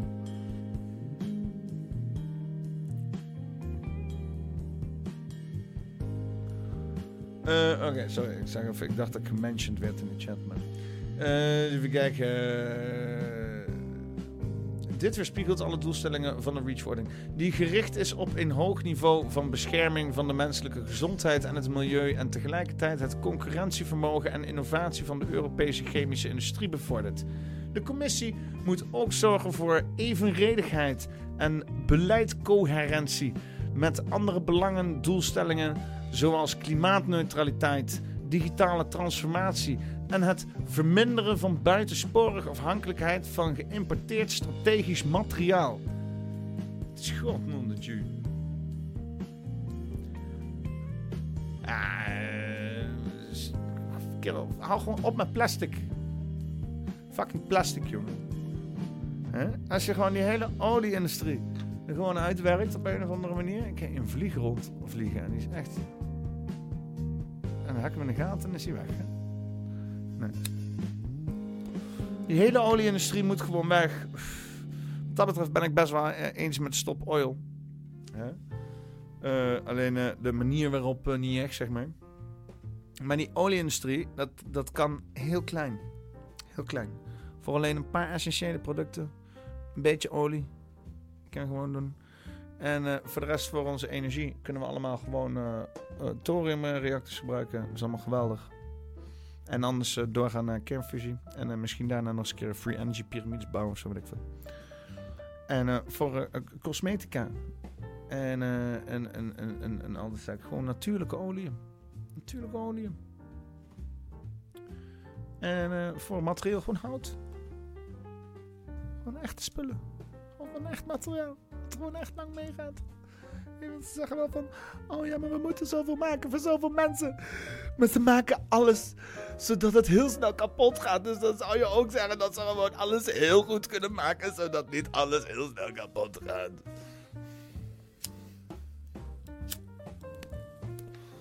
Die schaarste die we hebben, die, die drang naar consumentisme, die is gecreëerd. Die bestaat niet. Dat is, dat is, je hebt plant obsolescence als een standaard bedrijfsstrategie al 70 jaar. En dat is nu zover dat een product niet langer dan een jaar mee mag gaan. Anders is het niet economisch aanvaardbaar. Och, wat hebben we toch een tekort. Och, wat moeten we toch goedkoop mogelijk produceren. Omdat het allemaal niet mogelijk is om voor zoveel zo- mensen te zorgen. Flikker toch een eind op, man. Je gewoon echte producten maakt. Die gewoon god voor zijn fucking leven lang meegaan. Dan hoef je alleen alles te produceren één keer voor iedereen. En dan hoef je niet de hele tijd god voor zijn alles shit te kopen. Alleen af en toe als het een keer stuk gaat. En dan maak je het gewoon van echte shit. Rot op met die kut plastic. Oprotten. Ik wil helemaal niks meer van plastic. Wat is nu van plastic? Deze pen is van plastic. Oprotten. Deze afstandsbediening is van plastic. Ik wil houten afstandsbedieningen. Oprotten. Die tv, die hoort van steen te zijn. Ik wil stenen tv's. Oprotten. Camera's van... van hennep. Ik denk dat het best mogelijk is trouwens. Gewoon uh, hennepomhulsels maken. Afijn. Uh, oprotten met plastic. Oh, beide partijen gaan we... Kut EU, jongen. Echt onze ondergang, jongen. De hele kut EU. Ja, deze man wil de wereld vernietigen en uh, deze man wil uh, de wereld redden. Ja, dan gaan we maar een beetje in het midden zitten. Zodat de wereld gewoon een beetje beschadigd, maar niet helemaal vernietigd wordt. Flikker, wat is dit kut EU, jongen? Kut EU. Ah, fijn. Wat hebben we nog meer? Brandschip Ameland. Hutske. Ja, ja, tuurlijk. Ik heb inmiddels nog zoveel fa... Ja. Ja. ja. Ik had het net ook al geprobeerd met die uh, code die ik toen gekregen heb om uh, dit te bypassen, maar die werkte niet. Maar in ieder geval, want er, was ook een filmpje, hè? er was een filmpje daarvan, uh, die stond ergens. Die had iemand, er was een filmpje van, van het brandend schip. Oh ja, die had hij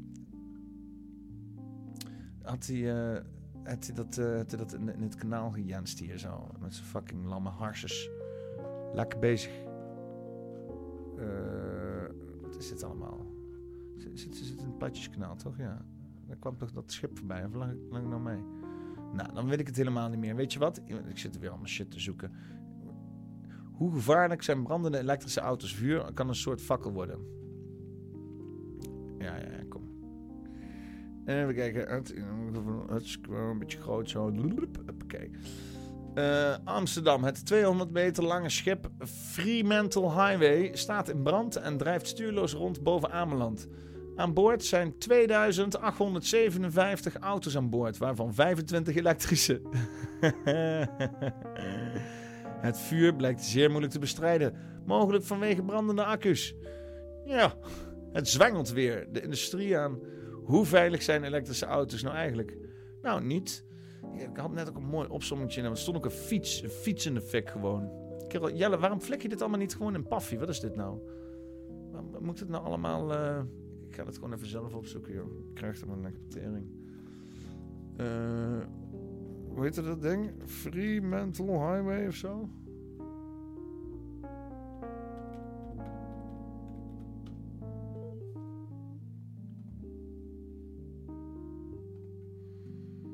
Ja, mooi. Ja. En ik kreeg ook al een filmpje van dat dus elektrische fietsen allemaal ook in de fik vliegen, weet je wel. Dus moet je je voorstellen dat je zeg maar terugreist naar uh, eh, 70 jaar in het verleden. En dan kom je opa tegen en dan zeg je, ja opa, hey man, ja, ik kom uit een tijd waarin uh, fietsen in de brand vliegen. Dat kan schijnbaar, schijnbaar gewoon, uh, gewoon, gewoon normaal. Oh, is je buis al verbrand? Ja, fiets in de fik. Ah, oh, ja, ja, tuurlijk, tuurlijk. Helemaal tot de grond? Ja, kon niet geblust worden. Zonder panelen. Oh ja, tuurlijk. Maar wel een lage stroomrekening gehad. Nee, nee, nee. Was hagelbui geweest. Werkt allemaal niet meer. Maar ik krijg wel binnenkort een nieuwe Tesla. Oh nee! Een pittig gesprek. Of nee, toch niet?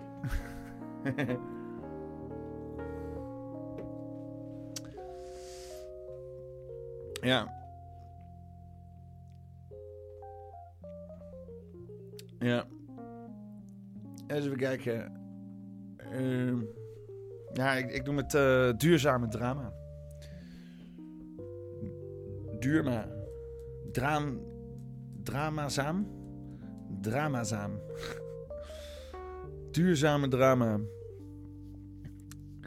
Ja, kijk, eh, als je op een gegeven moment op een punt komt in je leven en je wilt te graag, dan, dan merk je dat alles op een gegeven moment tegen gaat zitten. En als je allerlei innovatieve technologieën gaat invoeren die niks bijdragen aan het grotere probleem, dan ga je uiteindelijk alleen maar een beetje ja, met, de, met, met de kraan open zitten dweilen. En dan krijg je een slechte tijd, omdat je verwacht had dat het allemaal al je problemen zou oplossen. Maar dan doet het niet. En dat is vervelend.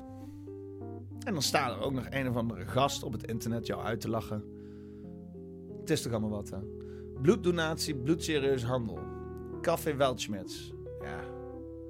Wat, is het? Café Weltschmerz is toch geen nieuws, jongens? Real stories. Je moet de hele ding gaan kijken en dat ga ik niet doen. Mensen maar gewoon zelf Café Weltschmerz gaan kijken. Eh, even kijken. Klimaat betrokken bij maatregelen en WPG Jelle. Naar aanleiding van bijeenkomst WHO van 14 september. Toelichting Voldemort. Moet ik weer terug in de Discord zijn? Nee, doe maar in de browser. Ja, ik, ik zit hier al... Ik zit gewoon in Discord. Wat is dit nou?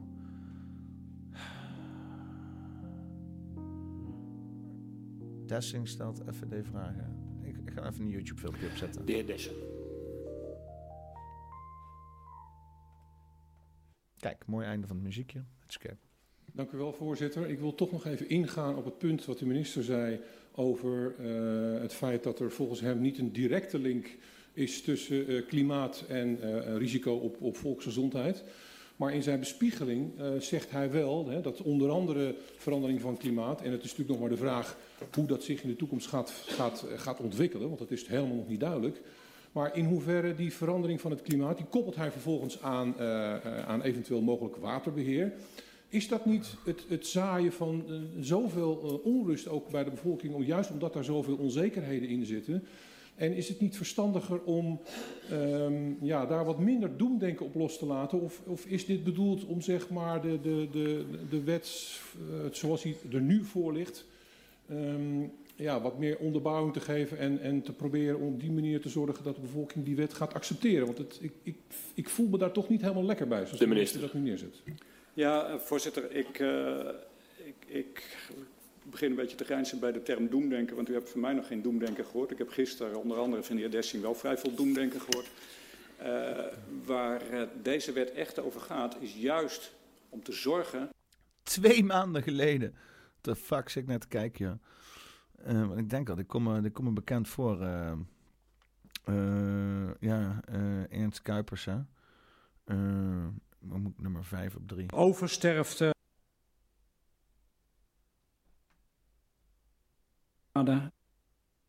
Het loopt niet echt heel lekker, eh, die shit, zeg. Oversterfte is ontraden. Mijn god. Of nee, toch niet? Maar ja, in ieder geval. eh wat moet ik hier nou weer mee, joh? Wat moet ik hier nou weer mee? Ik, ik ga weer terug de Discord in. In deze hier zo. Naar Paffy. Want ik zag het net voorbij komen dat het eh, bij Paffy stond. En dan eh, ga ik hier lekker actueel. Oh ja, fietsvlieg stond spontaan in brand. Ja, nog terug. Ik weet niet wat dit voor nieuws... wat, is, wat is dit? naar aanleiding van bij- bijeenkomst WHO toelichting Voldemort. Wordt, eh, wordt, wordt, wordt, wordt, twee maanden geleden. Dat een bevolking Ja, ja, ja, oké. dus oké. Ja, ja, ik snap wat je bedoelt. Dat zelfs klimaat een issue kan zijn voor gezondheid. Hè? Met alle klimaatdoden die we nu hebben en zo. En dan voor je het weet kan je een lo- lockdown inzetten omdat er eh, klimaatdingen zijn. Ja, ja, ja, ja, ja, ja. Ja, ja, ja, ja, ja, ja, ja. Lockdowns, jongens. Allemaal jo- lock- jo- lockdowns. Judge Dredd idee. Je- Jelle, nog meer campings met gezichtsherkenning. Nog meer campings met gezichtsherkenning. Op deze Zeven dagen geleden. Oké, nou doen we dat eens even kijken. camping krijgen gasten door middel van gezichtsherkenning toegang tot het zwembad. Iets dat op steeds meer campings in Nederland wordt gebruikt. En dat werkt dan zo. Gasten maken in een app een persoonlijk profiel aan waarin ze een foto kunnen uploaden. Vervolgens komen ze hier bij het paaltje en kunnen ze naar binnen. Ja, het is makkelijk. Je kijkt even in de camera en eh, hij doet het. Da hat man kein Bändchen, muss man nichts äh, machen, einfach reinlaufen und das ist schön. Ik kan met een blauwe pet of met een rode pet, met een zonnebril of zonder zonnebril.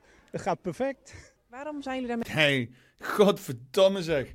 Hé, je kan je gezicht afdekken, je kan niet komen, ze weten gewoon waar je bent. Perfect, jongen. Hé, je kan gewoon, je kan gewoon thuis blijven, je kan gewoon het land verlaten. Ze weten gewoon waar je bent. Dat is perfect. Ik vind er niks meer te doen. Ik kan net zo goed gewoon mijn brein uit mijn hoofd halen en die gewoon op mijn nachtkaarsje laten leggen. En gewoon een overheidsgoedgekeurd lichaamsaansturingsapparaat in mijn hoofd zetten. Dat is perfect. Hoef niet eens meer na te denken. Gewoon alles automatisch. Je zo overal doorlopen. Hè? Wordt er gewoon zo automatisch in je reet genaaid. Hoef je nergens meer aan te denken. mee begonnen? We hebben best wel een groot park. Er zijn eh, in het hoogseizoen eh, zo'n 5.000, 6.000 mensen hier op het park. Wij willen echt wel eh, zorgen dat er niet de overbelasting van het zwembad komt. Of dat er mensen van buitenaf komen zwemmen. Dat je geen plaats meer hebt voor je eigen gasten. Dus daarom is het heel belangrijk dat er een goede toegangscontrole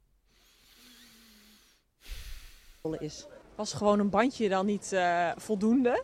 Nou, een bandje kan je doorgeven. Uh, we willen echt weten wie er in dat zwembad is. Dus daar moesten we echt wel voor een uh, persoonsgebonden gebonden item kiezen. We willen niet een uh, gelimiteerd aantal bandjes uitgeven met het risico te lopen dat er op sommige momenten een leeg zwembad is. Nee, we willen die ruimte kunnen optimaliseren. En daarvoor gaan we zorgen dat niet meer elk bandje, bandje door meerdere mensen gebruikt kan worden. Zodat we exact kunnen afmeten hoeveel mensen er op dat moment in dat zwembad kunnen zijn. Zodat wij onze winst kunnen maximaliseren. En daarvoor hebben wij inderdaad het ervoor over om elk privérecht van een mens te schenden. En gewoon hun gezichten op te slaan in onze database, zodat die herkend kan worden, zodat zij toegang kunnen hebben tot de nattigheden in onze accommodatie. Lekker bezig. Camping. Wat de fuck is dit eigenlijk? Camping Juliana Hoeve in Renesse. Niet meer heen gaan. Zeg maar doei tegen Juliana Hoeve in Renesse. Het gebruik van gezichtsherkenning mag volgens de wet alleen als mensen er expliciet toestemming voor geven. Gewoon geen toestemming voor geven. Ja, dan kan je in het zwembad. Zeg je van ja, maar er staat hier hè, dat die service met zwembad is. Dan moet je een exclusieve niet-zwembad-service bij maken. Dan ga ik wel ergens anders heen. In het geval van de camping moet er dus ook een alternatief zijn voor de gasten die het niet willen gebruiken. Wat mij betreft is het niet wenselijk. Het laat mensen wennen aan best vergaande uh, cameratoezicht. En zelfs kinderen, heb ik begrepen. Wat we zeker niet willen is dat we over een aantal jaar de situatie hebben... dat er overal in de stad en op straat camera's hangen uh, met gezichtsherkenning. Want dan kun je eigenlijk niet meer vrijelijk anoniem over straat lopen. Verder niet over nagedacht over privacy? Of, uh... Ik denk dat 99% er geen probleem mee heeft. Ook omdat we het goed uitleggen dat het eigenlijk geen echte foto is. Maar meer uh, de, de, de, de gezichtspunten, um, zeg maar, die vastgelegd worden. Daardoor ben je uh, herkenbaar. En het is niet zo dat wij iets met die foto kunnen doen. En uh, ze worden ook gelijk weer gewist als jouw boeking op vertrek gezet wordt. En wat als mensen het echt niet willen? Is er dan een alternatief? Ja, ze kunnen of kiezen niet te gaan zwemmen. Uh, en in uit, ja, uitzonderlijke gevallen kunnen we ook nog een pasje meegeven. Critici wijzen op de gevolgen van bijvoorbeeld een datalek. Wie zorgt er dan voor dat jouw gegevens en foto's niet in handen van bijvoorbeeld criminelen terechtkomen? Wat zouden ze met mijn foto kunnen doen? Ik, ben, ik denk daar zelf niet verder over na. Ja, weet je, ik gebruik zelf ook social media en ik zet daar ook... Uh, ja, ik heb mijn account er wel, uh, maar ja, ik maak me er allemaal niet zo heel druk om. Ja, gewoon niet druk maken. Komt goed. Ja. Is ook een tactiek, hè? Is ook een tactiek. Gewoon niet druk maken. Komt allemaal maar goed. Dan je gezicht laat scannen. Ik weet niet wat ik zou hebben gedaan. Hè? Ik bedoel, ik ben nou wie ik ben en zo. Maar als ik daar dan zo loop met je familie en zo. En met kindjes en zo. Of standers gaan schoppen. Nee, ik heb mijn gezicht niet laten scannen. Voor als je verrast wordt, weet je. Als je dit niet wist. Nu weet je van tevoren dat je gewoon daar niet heen moet gaan, weet je. Maar dat ik me van tevoren moet vragen: als jullie op een of andere manier mijn gezicht gaan lopen scannen hier met een of andere apparatuur om mijn toegang te verlenen tot iets, dan wil ik dat nou weten. Dan ga ik geen fucking kaartje kopen bij jouw fucking establishment. Ik moest ook gewoon bellen. En dan moeten we met z'n allen hun bellen en vragen of hun uh, gebruik maken van gezichtsherkenning. En als ze zeggen ja, dan zeg ik: oh, dan kopen we hier geen kaartjes. Gewoon, je hoeft ook niet kaartjes te kopen, maar gewoon om hun te laten weten dat ze misschien potentieel voor klanten mislopen met een uh, kut technologie. met een domme winstmaximalisatie schemes. Ja, dossier, dossier Timmer Frans. Allen. Oh, oké. Oh, ze hebben hier samen een soort van... Uh, dit is, uh, dit is een, een, een, product van de poppenkast redactie in de Discord. Allen. Mooi man. Teamwork makes the dreamwork. Oké, okay, beste Timmer Frans promofilmpje XD. Deze moet je even laten zien. Destijds van de SP, Hans Brusselmans. Oké. Dit, dit is Hans. Hans Brusselmans. Hans wil één Europese superstaat Eén groot en machtig Brussel dat heerst over heel Europa. Groot, groter, grootst. Dat is het motto van Hans. Waarom zou je die boerenpummels zelf laten beslissen? Ook als de Fransen en de Nederlanders zijn Europese grondwet afwijzen, vindt Hans met zijn maatjes in Brussel steeds weer een manier om die alsnog door te duwen. Andere kaft, andere naam, dezelfde inhoud. Dat is Hans.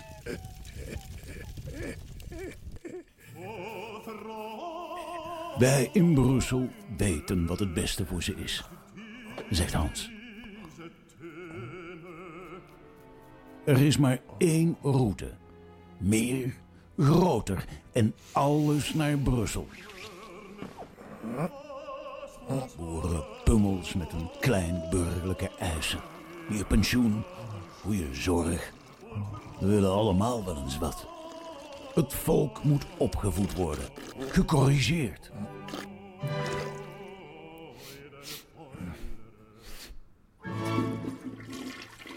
Als het moet, haalt Hans er zelfs de oorlog bij.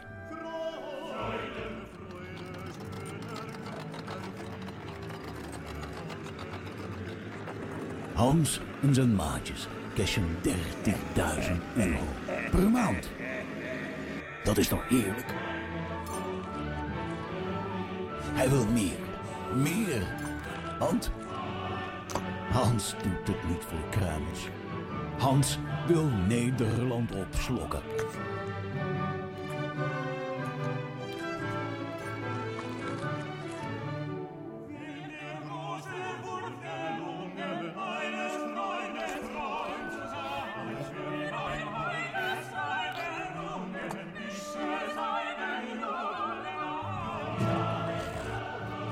Stop de Europese elite.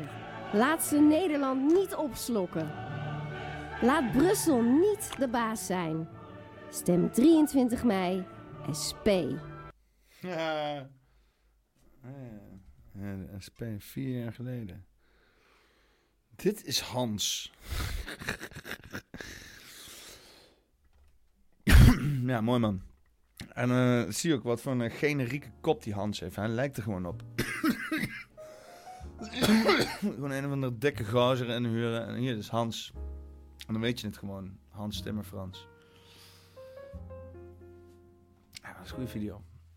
Goeie dingen. Oké. Timmermans gaat de absolute onderklasse helpen klimaatverandering te financieren via indirecte inflatie. Oké. Nou, in de eerste plaats. Oké. Dossier Timmer Frans. Oké, dan gaan we verder. Hè. Nou, in de eerste plaats ben ik. eh, het is altijd heel mooi om in Paramaribo te zijn. Het is niet voor niks dat deze stad op de wereld eh, erfgoedlijst staat. En daarom ben ik ook heel blij dat ik kan aankondigen dat we samen met de IDB een project eh, van 22 miljoen euro starten.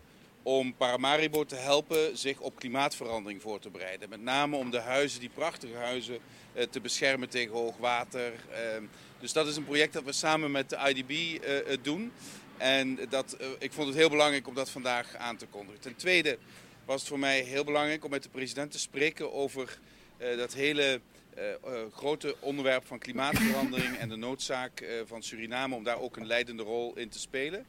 In het bestrijden van die klimaatverandering. Suriname zit in een unieke situatie doordat het zoveel bos heeft. dat het ook ehm, zeg maar de kansen kan grijpen om die natuurlijke rijkdom goed in te zetten om de klimaatverandering te bestrijden en tegelijkertijd eh, economische groei tot stand te brengen. Ehm, er zijn een paar landen eh, ter wereld die Heeft, eh, heeft Shabir trouwens al zijn liefde uitgesproken voor Frans Timmermans? Wordt al tijd, denk ik, of niet? Hé, hey. hey, Shabir, zeg eens even dat, dat Frans gewoon de shit is. Beschikken over zoveel bos en tegelijkertijd ook eh, eh, over olie en gas. En Suriname is daar één van, buurland Guyana is een ander, Gabon in Afrika is ook zo'n land. En die drie landen die hebben alle drie de ambitie om tegelijkertijd op een duurzame manier die hulpbronnen te gebruiken, maar ook te denken aan de volgende generaties en alles te doen om de klimaatcrisis te bestrijden en om de natuurlijke eh, rijkdom van het bos te behouden. En op die punten wil ik heel graag samenwerken met de Surinaamse regering.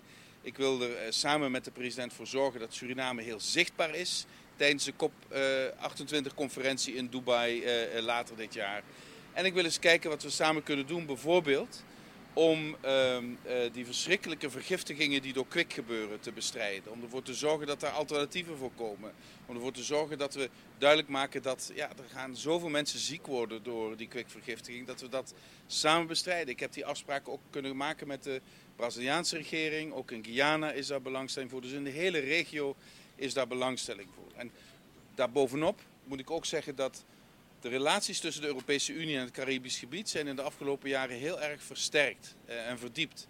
En we hebben ook een, een topconferentie eh, in Brussel volgende maand, eh, waar de president ook aan zal deelnemen, waar we ook onderwerpen zullen bespreken zoals hoe we de economische samenwerking kunnen verbreden en verdiepen.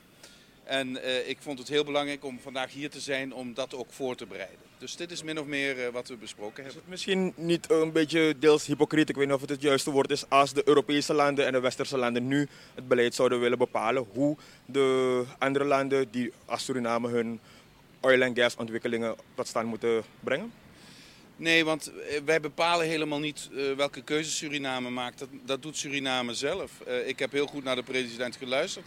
Hij wil duurzame keuzes maken en hij zou daar graag met ons in willen samenwerken. En die uitgestoken hand neem ik ontzettend graag aan. Uh, wij komen hier niet vertellen hoe het zou moeten. Uh, uh, wij kunnen wel ervoor zorgen dat Suriname kan leren van de fouten die wij in het verleden hebben gemaakt. En zodat Suriname niet dezelfde fouten hoeft te herhalen. Maar in dit hele gebied is een grote wens, een hele regio, om meer samen te werken met de Europese Unie. En ik vind als... Mooi man, Frans is gewoon Suriname aan het herkolonialiseren.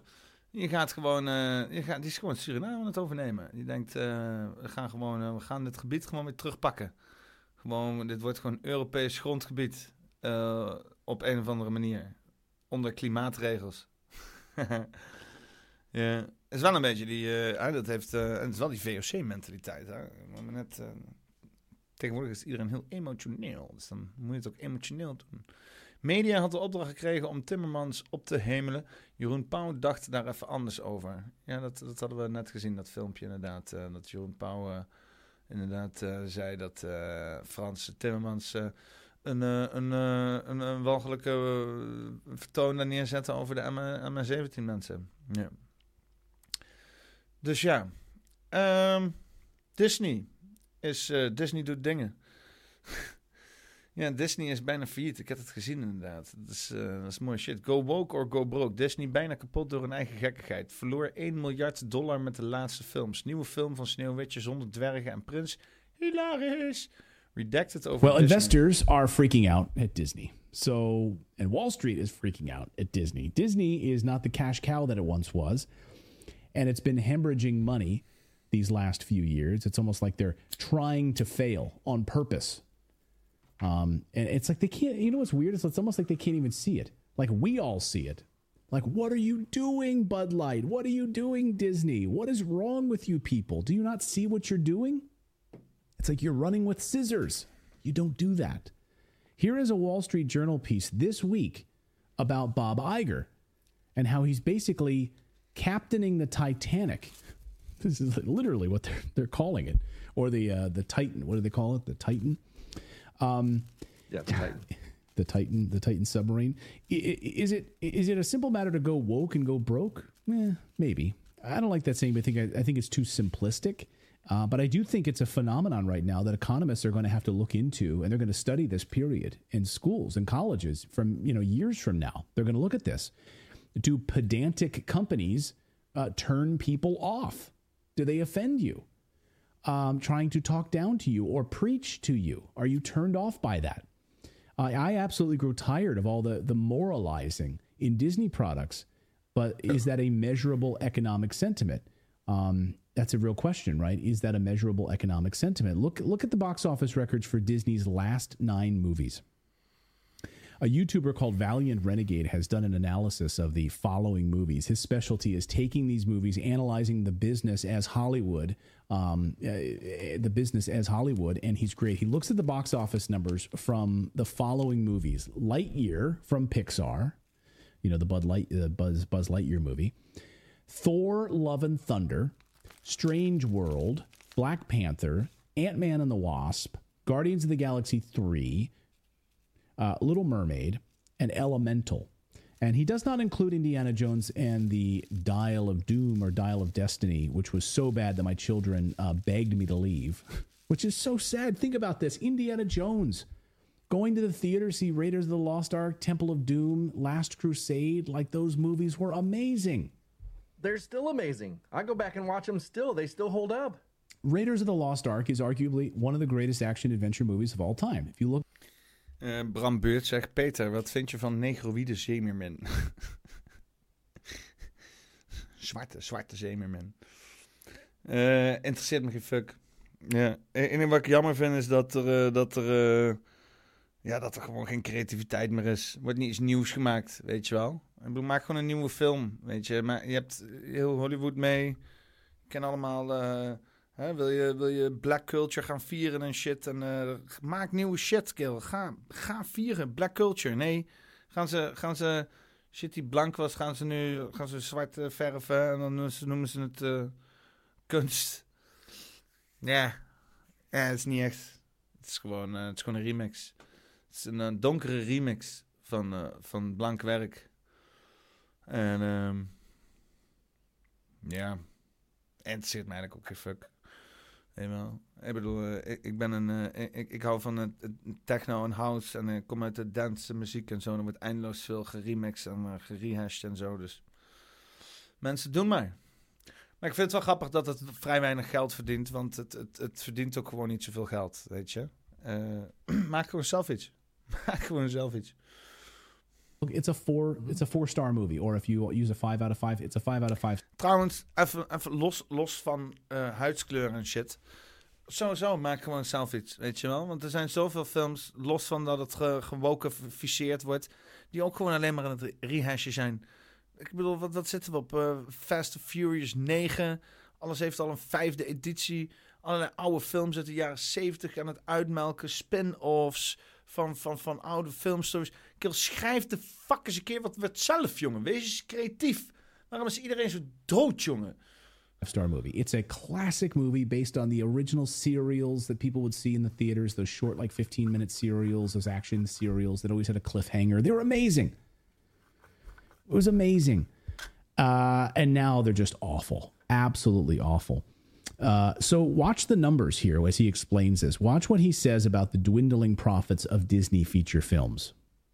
Last couple of years, we've seen those numbers dwindle to next to nothing. That's mostly because of two major problems at the Walt Disney Company. Number one, the films they're putting out just aren't reaching the same audiences that they used to, even while other studios like Universal and Paramount are still generating massive, legitimate blockbusters.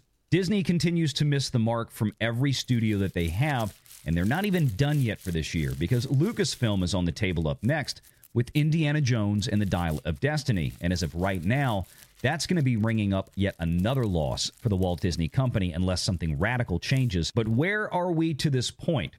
Let's take a look at a chart. What you see here is a chronological timetable beginning with Lightyear in June of last year and running through Elemental June of this year, 2023. Production budgets are laid out, and we have used the stipulated budgets listed on places like the numbers. We haven't adjusted any of these budgets for information that we've previously reported on with production overruns, massive reshoots on certain things. We're going to leave all. Weet je waar ze een remake van moeten maken? Als ze dan toch allemaal remakes aan het maken zijn. Van die Rothschild-film. Van die Rothschild-film uit eh, begin eh, 1900. Heb je zo'n Rothschilds-film? Die is door eh, MGM-producties gemaakt, volgens mij. Er is daar gewoon een 2023 versie van. Maak je er misschien... eh, zo trek je het gewoon ook door tot in het heden. Ik bedoel, why not? All that out of the equation for right now and just go with the information that is publicly available. And if we go from north to south in the first column, you can see the production budgets tally up to a whopping $1.735 billion. Global prints and ads, that's the global marketing spend. Again, the tally there, about another billion dollars. So then he puts these calculations in here, and someone in the chat just said, "Hey, you're not five years old. Don't go see movies. Grow up." What? Love movies. I'm, I'm, not, I'm, not, I'm never going to grow up. What a What sad, t- sad. Yeah, what a sad, sad sentiment. Really? Don't go to movies. Grow up Stop up. entertaining yourself, Clayton. yeah. Okay, I'm going to go sit and stare at a waterfall for the rest of my life. Wait till Um, I find out you play games too. yeah, and guitar and, and- and- oh my god, don't do any of that. Uh, anyway, he takes into account the rental market by location. Um, take a look at this. So this is the rental market by location, and uh, wow, pretty awful. I mean, just just awful. So let's get into his final calculations of these films. Listen. Now, if you've already picked up on the fact that there's a big problem here, congratulations, you're right. Remember on the first slide, how much money did the Walt Disney Company spend starting with Lightyear and going all the way through Elemental now? Those eight films. How much did the Walt Disney Company spend to produce and market these films into theaters? $2.75 billion was the total WDC total investment. Again, you can see down there, this is Lightyear, Thor Love and Thunder, Strange World, Black Panther, Wakanda Forever, Ant Man and the Wasp, Quantumania, Guardians of the Galaxy Volume 3, The Little Mermaid, and Elemental. So if Disney spent $2.75 billion to make all those films, how much did they actually get back in rentals from theaters?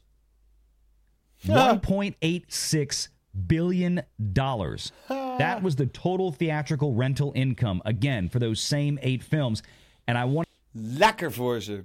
Lekker voor ze. Ah, fuck Disney, kerel. Echt, dat is toch... Het zo fucking verjaard, jongen. Laat die hele gat verzuimen. Eh, Gewoon weg.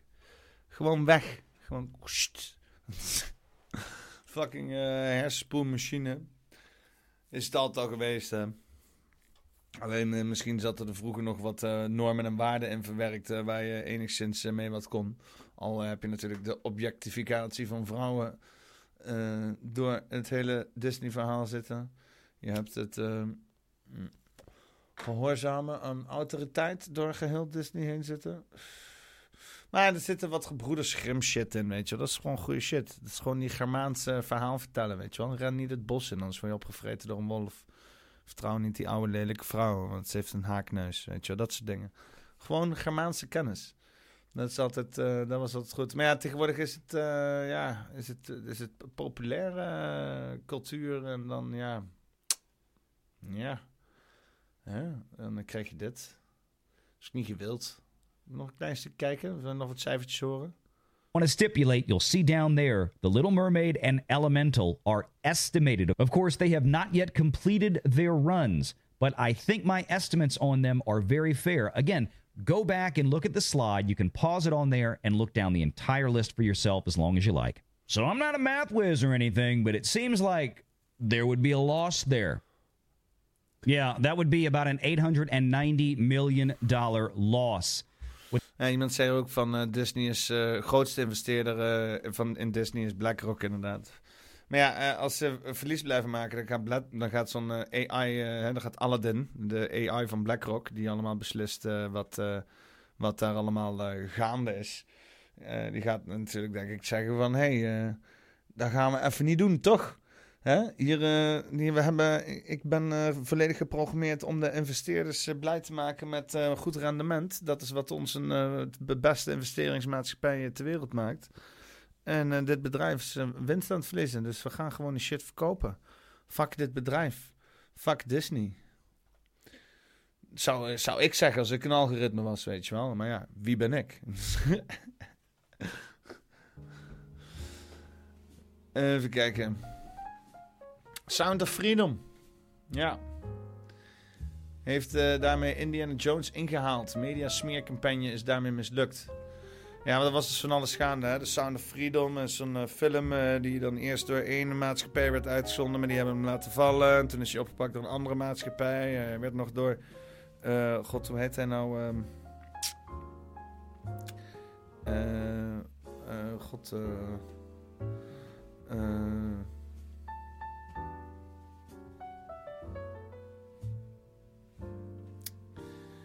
eh, eh, ik kom er even niet op. Mel Gibson. Jezus Christus. Mel. Eh, Mel Gibson heeft die shit nog een beetje lopen en zo. En we weten allemaal achter wie Mel Gibson aan zit. Hè? Dat is uh, algemeen publiek bekend inmiddels. En uh, ja, dus die, uh, die, die, die, heeft, die heeft die film naar voren gebracht. en die is, die, die, die is dus ja, weggezet als, als een QAnon-film. Terwijl het gaat over een vertaling van een echt verhaal van een FBI-agent. En je zag dus ook allerlei filmpjes verschijnen op het internet van, van theaters die werden gesaboteerd, leek het wel. Hè? Dat, er dan, dat mensen de film niet konden kijken en zo. Dus eh, heel apart allemaal. Dus eh, laten we eens even kijken. Russell, Russell Brand, die eh, gaat er even een beetje over lullen. Dus laten we eens even kijken naar Russell Brand. Freedom is smashing it at the box office and is being attacked continually by the mainstream. Is that because it's a box office success? Is it because of QAnon conspiracy theories? Is it because it's a new emergent business model? Or does the establishment have something more serious to hide?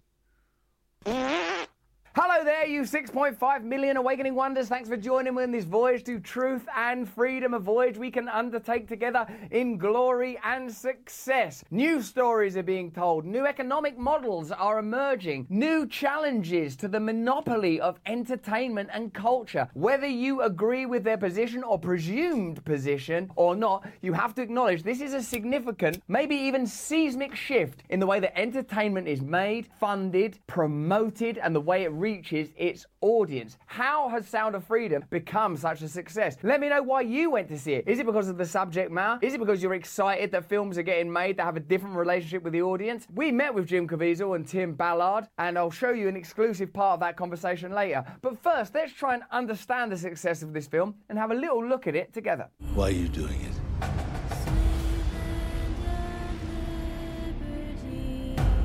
Because God's children are not for sale. Appears that there's a cultural thirst for a film that presents an issue that you might imagine all people would agree on is worthy of attention. The trafficking of children appears to be more pervasive than people have previously thought and are willing to discuss. And it seems that American audiences, in particular, and let me know how you feel in the comments, have a real appetite to see this story told. A story that is righteous, clearly connected to Christian values. Angel Studios also, of course, made The Chosen, which is a retelling of gospel stories. And as a side note, stars my friend Jonathan as our Lord and Saviour Jesus Christ, but was also my body double when I used to be in HBO's show with The Rock, Ballers. So I am able to say that Jesus was my body double. This job tears you to pieces. It's impossible to talk about Sound of Freedom without acknowledging that part of the mainstream avenue of attack is around the QAnon connection. Now, what is this QAnon connection? It seems that just people that like QAnon also like this film. Is this film inherently right wing? Is there something particularly or especially conservative about it? In some ways, couldn't you say it's about rescuing the tunnels? The tunnels, maat!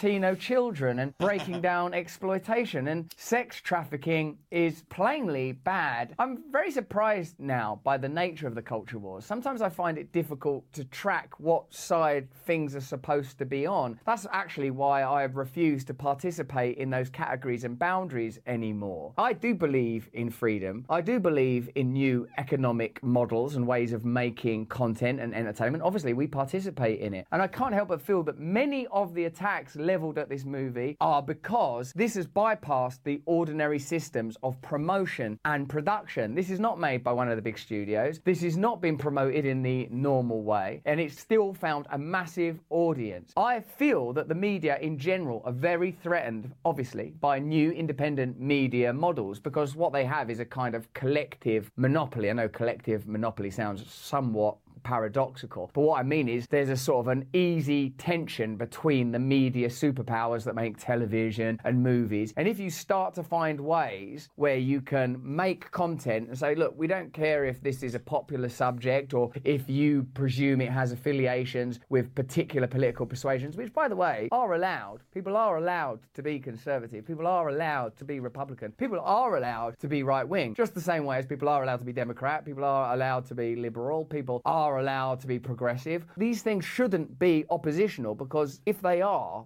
that is tyranny. My assumption is is that the mainstream media, as with our kind of content, doesn't like the emergence of this type of model. The same way that the mainstream attacked Joe Rogan during coronavirus because of his outspoken stance on health, alternative medicines, and his willingness to have a variety of conversations on the subject of coronavirus and the handling of the pandemic. They obviously opposed the content, but they oppose even the concepts of Joe Rogan. They don't want there to be a Joe Rogan. Joe Rogan is a real thorn in the side. This is comparable, I think. I really hope that the reason this film is receiving all of these criticisms and attacks is not because there's institutionalized sex trafficking to a degree where people don't want it spoken about. That's a terrifying concept to me. What is easier to understand is they are threatened by the economic model itself. I don't see what it is about this film that's an attack on anybody's values. I don't understand that at all. It seems like it's somewhat anti deep state because it's a rogue and renegade figure that breaks away from bureaucracy in order to do what he believes was necessary to be done. The fact is, it's based on the truth. Like any movie that's based on the truth, there's extemporization, there's the collapsing of characters, there's the simplification and amplification of certain events and details. That's standard in any narrativization of true events. In a way,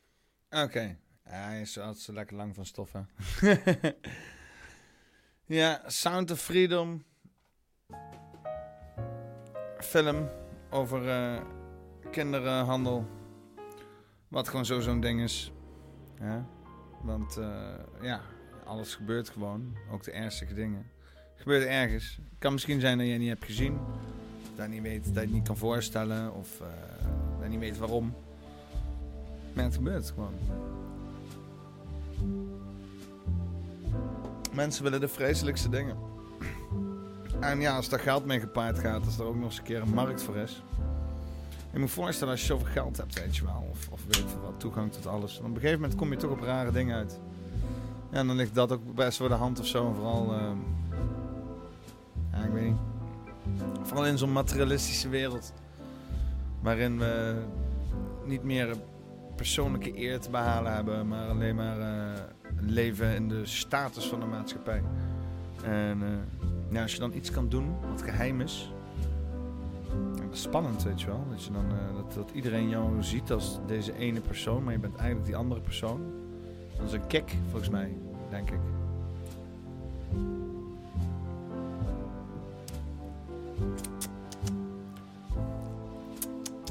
Knoei overal bier over. Nu leg ik het overal vanaf. Dus ja, moet je daarom accepteren? Nee.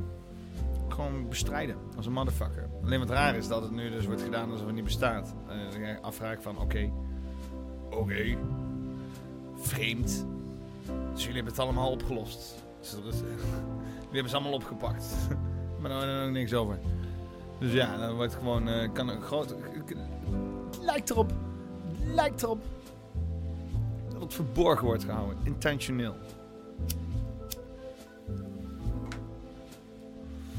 Ja, en dan uh, komt de Trump met een QAnon en uh, een hele paardje van mensen die dan uh, voor allerlei politieke doeleinden aan allerlei kanten wordt gekanaliseerd. Nee, nee, dat is helemaal mooi. Wordt het allemaal gepiepeld in een fucking segmentje zo. nu zien jullie dit. En dan... ja, in een film die gewoon een echt verhaal vertelt erover, weet je. Dan wordt dat meteen gekoppeld aan die QAnon. Want dat is waar die QAnon voor was, weet je wel. Het is een soort van bliksemafleider. Dit soort issues daar tegenaan te gooien. En voor het weet je een van de dekwijf in een rollator met een Amerikaanse vlag. Ze schreeuwen Trump, yeah, build a wall. En dan zeg je van, uh, ja, dat zijn die mensen die dat vinden.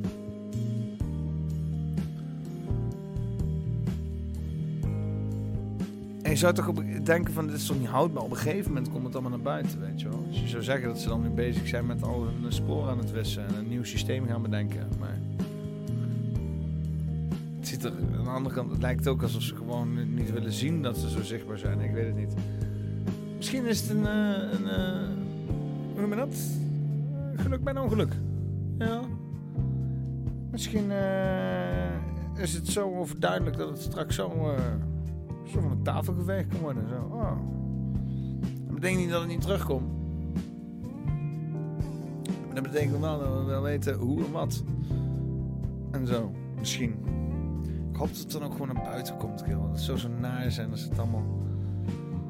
Dat is zo naar, weet je, van die doofpotten en zo. Oh, We, beschermen persoonlijke integriteit en eh, weet ik veel wat voor imago-schade en shit. Eh, Mensen praten dat goed in hun eigen hoofd. Van ja, ik, bescherm de, het grotere doel van deze beweging. en Bla bla bla bla. Maar uiteindelijk gaat het om, om de heling van de maatschappij, weet je wel. Mensen moeten gewoon zien dat bepaalde zaken consequenties hebben. Anders verliezen ze gewoon vertrouwen in shit. Weet je? Maar ja, dat gebeurt toch niet. En dan klagen dat er geen vertrouwen is over shit. Ja, en een beetje bij jezelf gedaan. Of niet dan? En een beetje zelf gedaan dan. Rutte toch in de race voor internationale topfunctie. Er komen volgend jaar drie posities vrij. Oldschool. Oké. Geen linkje, dus alleen een klein stukje tekst. Hij had het besluit over zijn vertrek zondagochtend pas genoemd, eh, genomen en gaat straks het liefst wat meer voor de klas staan. Al dus demissionair premier Mark Rutte zelf. Toch werd op social media al maanden justitieminister Dylan Jithelgus naar voren geschoven. En komen er volgend jaar drie internationale topfuncties vrij. Wat zijn die internationale topfuncties? Dat krijg je niet te zien, hè? 2024 een nieuwe secretaris-generaal van de NAVO nodig. Een voorzitter van de Europese Commissie. En een voorzitter van de Europese Raad van de Regeringsleiders. Ah, toch wel dus. Oké, nou. Wie van de drie zal het worden? Zullen we een kistje bier opzetten? Als jullie willen meedoen aan een eh poeltje. Aan een leuk poeltje. Dan moeten jullie zijn bij poeltje. AKA Ridder Afwashand, AKA Jelle. Eh, om eh, een kistje bier in te zetten. Om te kijken welke van de drie functies Rutte gaat bekleden. Gaat het zijn A. Voorzitter van de Europese Commissie. B. Secretaris-generaal van de NAVO.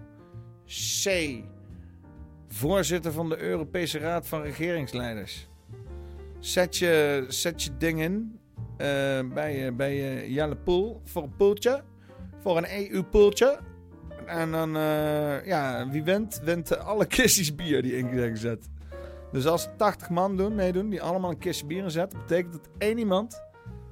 En nee, dat kan niet, dat het zijn drie opties. Dus oké, dan wordt dus alle kistjes bier verdeeld over de mensen die de desbetreffende winnende optie hebben. Dus stel dan 80 mensen mee, 20 mensen die, eh, die, die, die, die stemmen bijvoorbeeld op, eh, weet ik veel, hè? eh, secretaris-generaal van de NAVO. En staan met zijn bekropte, met zijn bekropte Engels. We think uh, that uh, the war in Ukraine is a very uh, disappointing thing, but uh, yeah, we, we still have to transport those nuclear weapons into this hospital ter- territory, so we can, you know, secure the, the, border and the safety of all the people in Europe, you know. Dus gaaf continent. dan, eh, ja, dan dus eh 20 man die dan eh 80 kratjes winnen. Dus eh, hoeveel is dat? 80 gedeeld door 20. Dan moet je 8 gedeeld door 2 doen. Dan heb je 4 met een zin erachter. En dan 40 kratjes per persoon? Nee, dat kan helemaal niet. Dat kan helemaal niet. Hij heeft 4 kratjes per persoon. Dan winnen, dan winnen 20 mensen winnen 4 kratjes per persoon. Ja, dat is toch mooi? Het is hypothetisch allemaal, hè? Ik bedoel, ik, ik geef nergens garanties over. Hij is zoiets van, eh, hier wil ik een participeren. Meet eh, Jelle Poel voor de EU-poeltje, kratje inzet, kissie bier. eh, eh, wat gaat eh, Rutte doen? En vind hem onder de naam Ridder Afwashand. Of Ridder Afwashand van de Gemaanse Orde. Of Afwashand van de Riddergeorde. Of, je- maakt niet uit. Roep maar gewoon ergens, Jelle, kissie bier. Dan komt hij vanzelf wel opdagen. Oké, hebben nog nieuws of niet? We zijn wel bijna bij het einde. Oh, we komen, we komen er. We zijn al rustig aan het afdalen aan de onderkant van de pagina. Dat is mooi. 10 miljard aan goud in het diepste geheim vervoerd naar Zeist. Zijt. Naar Zeist, jongen. All places. De Nederlandse bank heeft in het diepste geheim 200 ton aan goud vervoerd. Nou, een beetje mosterd naar de maaltijd, dit bericht. eh, godverdomme, daar hebben we er nou helemaal geen reet meer aan, of niet dan? Dat, moet toch, dat had toch eerder moeten weten? Dat hadden maar. Maar dat dat, dan, dan, nee, fijn. Uh, de goudstaven lagen in een kluis in Haarlem en zijn naar een nieuw, goed beveiligd gebouw in Zeist gebracht. 15 mei vond het laatste deel van het transport. Het laatste deel moest meerdere keren voeren. 200 ton aan goud. Eens kijken hoeveel, hoeveel dat waard is. Hoeveel kost 200 ton goud? Wat kost 1 ton goud?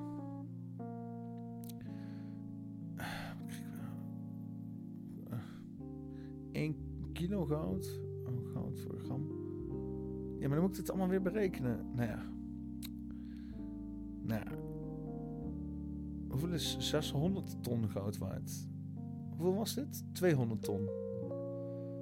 200 ton, oké. dus naar 600 ton staat hij dan wel uitgelegd. Dat is dan 26 miljard. Dus dan moet dan even verdelen de 3. Nou, dat is echt 30, 10 miljard, iets minder. 9 miljard euro of zo. 9 à 8 miljard. Nou ja, ze zijn uh, eh, 5 miljard met, uh, met, uh, met de pandemie kwijtgeraakt. Dus dat is 3 miljard meer. Dus peanuts. oh man.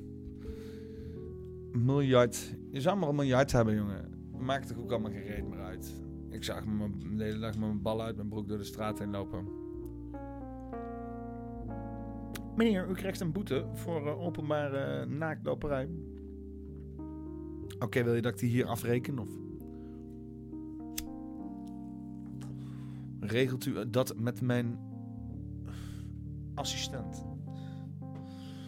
Even kijken. Waar hebben we nog meer? Even kijken. Bel, lijsttrekker Sylvana Simons en Denk voorman Friet Assekan stappen op. Ja, dat wist wel. Oprotten met Joy. Misschien kan ik Farid Assekan nog wel eens in de podcast krijgen. Dat zou wel leuk zijn. Hij, ook, uh, hij, hij vindt comedian shit ook leuk toch en zo. Nou, kunnen we, samen een beetje lollig lopen doen. Ho, ho, ho, Misschien, uh, misschien wel leuk. Ga ik dat kijken? Ik ga het niet eens kijken. Bonusonderwerp, want Jelle vindt deze mooi. Zegt Jelle. 8 ton subsidie voor vernieuwde Queer en Pride Amsterdam. Amsterdam staat bijna op het punt te moeten lenen op de kapitaalmarkt. Oké. Okay. Tweet. Tweet. Tweet des Vaderlands. Dat is een motie, hè? Dan moest dan... Uh... Ik, ik weet lezen wat hier staat. Of, uh... ik, ik kan er niet inzoomen. Twitter is er wel irritant in.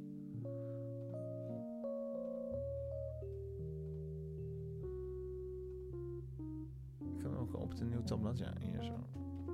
Oké. Ah, kijk aan. Daar zijn we. Oké, de Raad gehoorde de discussie over de voorjaarsnota 2023. Constaterende dat het college van plan is meer investeringsruimte te creëren voor de erfpachtschuld, los te koppelen van de standaardschuld en voor de staatsschuld te sturen op een schuldquote van 110%. Overwegende dat de sectorbanken, BNG Bank 60% en de NWB 25% de belangrijkste financiers zijn van de gemeente Amsterdam. Bij een schuldomvang van grofweg 10 miljard euro de BNG Bank en NWB aangegeven af te haken als financiers omdat zij een te groot deel van hun leningen bij de gemeente Amsterdam hebben uitstaan. Concentratierisico. Het afhaken van de sectorbanken als financiers tot gevolg heeft dat de gemeenteraad zal moeten lenen op de kapitaalmarkt, wat leidt tot een hoge rente van 0,5 tot 1% en meer administratieve lasten, zoals het hebben van een creditcard-rating, duurdere accountant en jaarverslag en begroting in het Engels. Verzoekt het college van de burgemeesters en wethouders in principe niet zelfstandig te leden op de kapitaalmarkt als dit leidt tot hogere rentes en zwaardere administratieve lasten. Indien het zelfstandig wil lenen op de kapitaalmarkt met hogere rente en administratieve lasten, tot gevolg dit voor te leggen aan de raad. Alsjeblieft, dankjewel. Oftewel, blijf van het geld af, motherfucker. Ja, het is. Uh, Hè? Ze motten weer. Ze motten gewoon weer eh, geld spenderen. Mark, eh, is ook nog een, een ding daarover. 8 ton subsidie voor vernieuwde queer en Pride Amsterdam bijdrage gemeente verdrievoudigd. Nou, dat is zeg maar een soort van combi-dingetje, weet je wel. Je hebt aan de ene kant het probleem van dat ze geld moeten lenen op de markt. Aan de andere kant willen ze nog wat extra diversiteitsgeld vrijmaken. Even kijken of er nog iemand met zijn pik kan schwenken op straat op kosten van de overheid. Na jarenlang debat over het karakter en de inhoud van de Pride Amsterdam zijn er sinds dit jaar twee partijen betrokken bij de organisatie van Queer and Pride Amsterdam. Stichting Pride Amsterdam en Stichting Queer Amsterdam. Oké, nou, fijn om te weten dat. De twee organisatoren krijgen als apart subsidie van de wethouder Turia Melania, Me- Me- Me- Me- Meliani, Mela- Meliani evenementen. In totaal ontvangen de organisatoren Queer en Pride Amsterdam 824.000 eh eh 92 euro 50. Fuck. Specifiek kutbedrag zeg. Subsidie van de gemeente. Nou, Oké.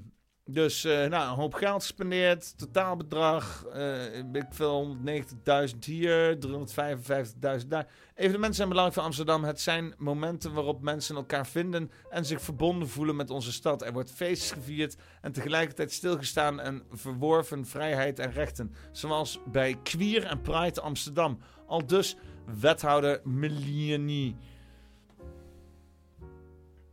Hier nog een mooi, mooi grafiekje. Nou, een half miljoentje hier. eh een derde miljoentje daar. Twee ton. Anderhalf ton. Tonnetje, tonnetje, tonnetje, tonnetje. Bij elkaar ook zeker wel een tonnetje dit hier zo. Dus eh, wat ze zeggen. Hè? eh, 1, 2, 3, 4. eh 5, 6. Ja, en dan eh, hier 350. Kom je toch ook wel aan gewoon eh dikke miljoen. Half, anderhalf miljoen toch wel of zoiets. Maar nee, laten we geld gaan lenen op het kapitaalmerk. We hebben niet genoeg geld voor al deze acceptatie.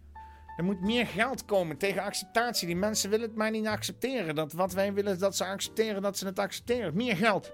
Meer kleuren. Ik dacht serieus dat als we gewoon meer kleuren in de vlag deden, dat mensen gewoon sneller gingen accepteren. Ik snap het niet. Misschien moeten we er meer geld in doen. Misschien kunnen we goud verwerken in de vlag. De money pit. De money pit. Generaties gooien wij al geld in een gat. En het is gewoon Hollandse traditie. Oké, volgende onderwerp. Mark Wallenberg joint Mel Gibson en meerdere bekende. Loopt allemaal wel door elkaar heen. Hè? Het is niet echt zeg maar onderwerp ge...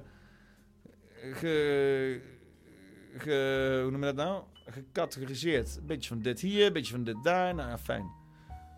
Mark Wahlberg en Mel Gibson werken samen voor een nieuwe film. Oh, maar dat is niet eens het sappigste gedeelte. Mark laat de verleidelijke hints vallen dat meer beroemdheden op het punt staan om binnen te, eh, bonen te morsen.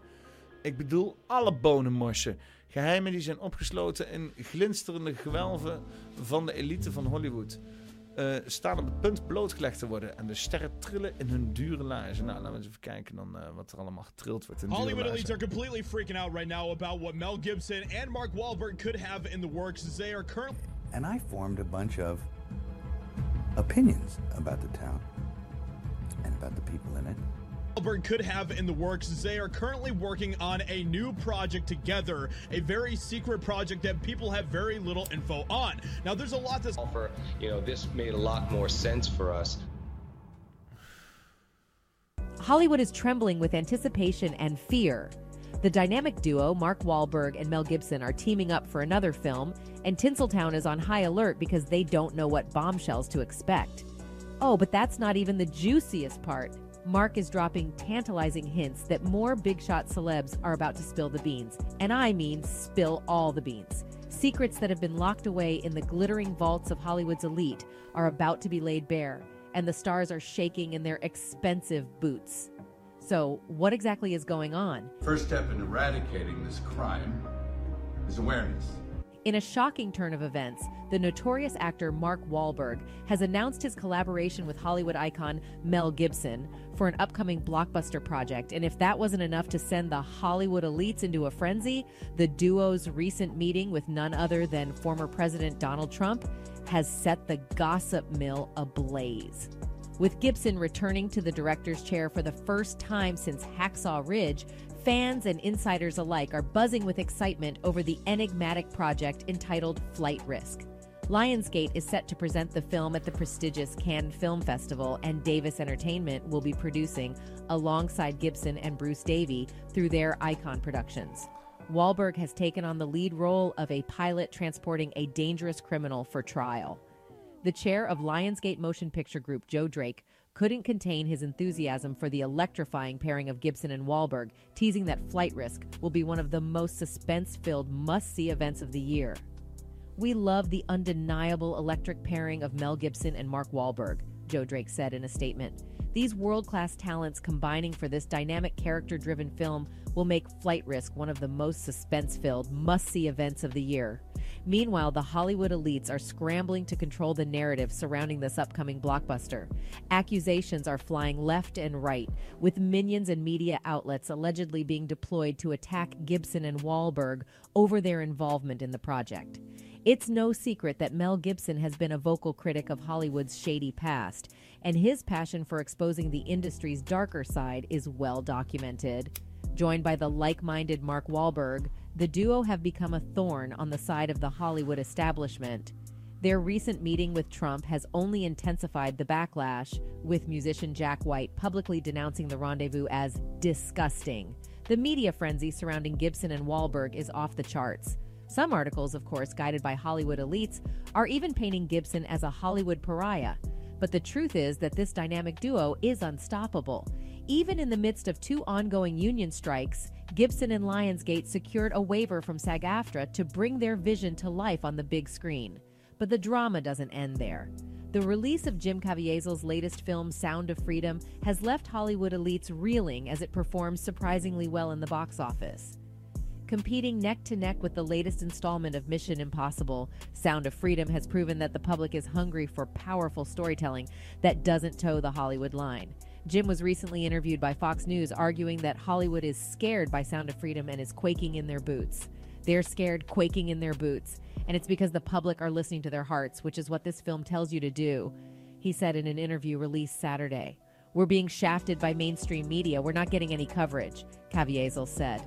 And I'm happy with the 2 million, he said in a reference to tickets purchased in the opening weekend, but I want a lot more because I want the children. In addition to this, Mark has also spoken about Sound of Freedom. You see, a recently deleted article published by a website called SGT Report claimed that Mark Wahlberg recently addressed the release of Sound of Freedom. However, there is no evidence to support that the 52 year old American actor said what SGT Report claims. SGT Report wrote that Mark allegedly called Jim Caviezel and Mel Gibson American heroes with balls of steel. Meanwhile, the Hollywood elites can't handle the fact that the people have spoken, choosing to support the likes of Mel Gibson and Mark Wahlberg over their handpicked darlings. Dan krijg ik het idee dat dit zo'n AI-geconstrueerd filmpje is met allemaal random beelden en zo. Nou ja, in ieder geval, waar het op neerkomt, en dat was net ook al uh, volgens mij wel duidelijk, shit is gaande in Hollywood. Wat, nog meer Robert Downey Jr., komt hij er ook nog bij? Robert Downey Jr. opened up about what he called the worst thing that ever happened to him. When I couldn't get sober, he told me not to give up hope and he urged me to find my faith. He said that if I hugged the cactus long enough, I'd become a man of some humility and that my life would take on a new meaning. All he asked in return was that uh, someday I help the next guy in some small way. Robert Downey Jr. has recently opened up about the darkest time in his life and how Mel Gibson stepped in to save him from Hollywood and life in general when no one else would. Let's dive into the incredible tale of redemption and friendship between. Nee, nee, nee, nee, nee. Ik vind het allemaal prima. maar uh, oké, okay, dus uh, Robert John, Downey Jr. zou misschien ook. Uh, One of the most disturbing problems in our world today is human trafficking. So, what a responsibility you all have to be to tell the truth, not just to be first. Now, the first step in eradicating this crime is awareness. Go see Sound of Freedom. What do you make of all the fake news that it affects If you don't read the newspaper, you're uninformed. If you do read it, you're misinformed. Among all Oké, dus Denzel Washington is ook gaande. Nice. Ja, Hollywood eh ontmaskerd. Zou, eh, het zou mooi zijn als er eh, eindelijk eens even wat, eh, wat, wat shit naar buiten komt daar. Het hele Hollywood gebeuren, dat is ook allemaal vergane gloria. Je ziet ook gewoon, iedereen is woke, alles draait om materialisme. Onzekere mensen allemaal daar, die kunstmatig leven. Het is nauwelijks meer een inspiratie voor de wereld. Het is nauwelijks meer een inspiratie voor de wereld. En dan je natuurlijk ook nog kindermisbruik. Ja, dat, dat moet sowieso... Maar ja, Dan moet je ze zo gewoon maxima aanpakken. Maar ja, dat is schijnbaar hele goede handel. En eh, alles draait om geld in de wereld. Dus eh, er wordt niks aan gedaan.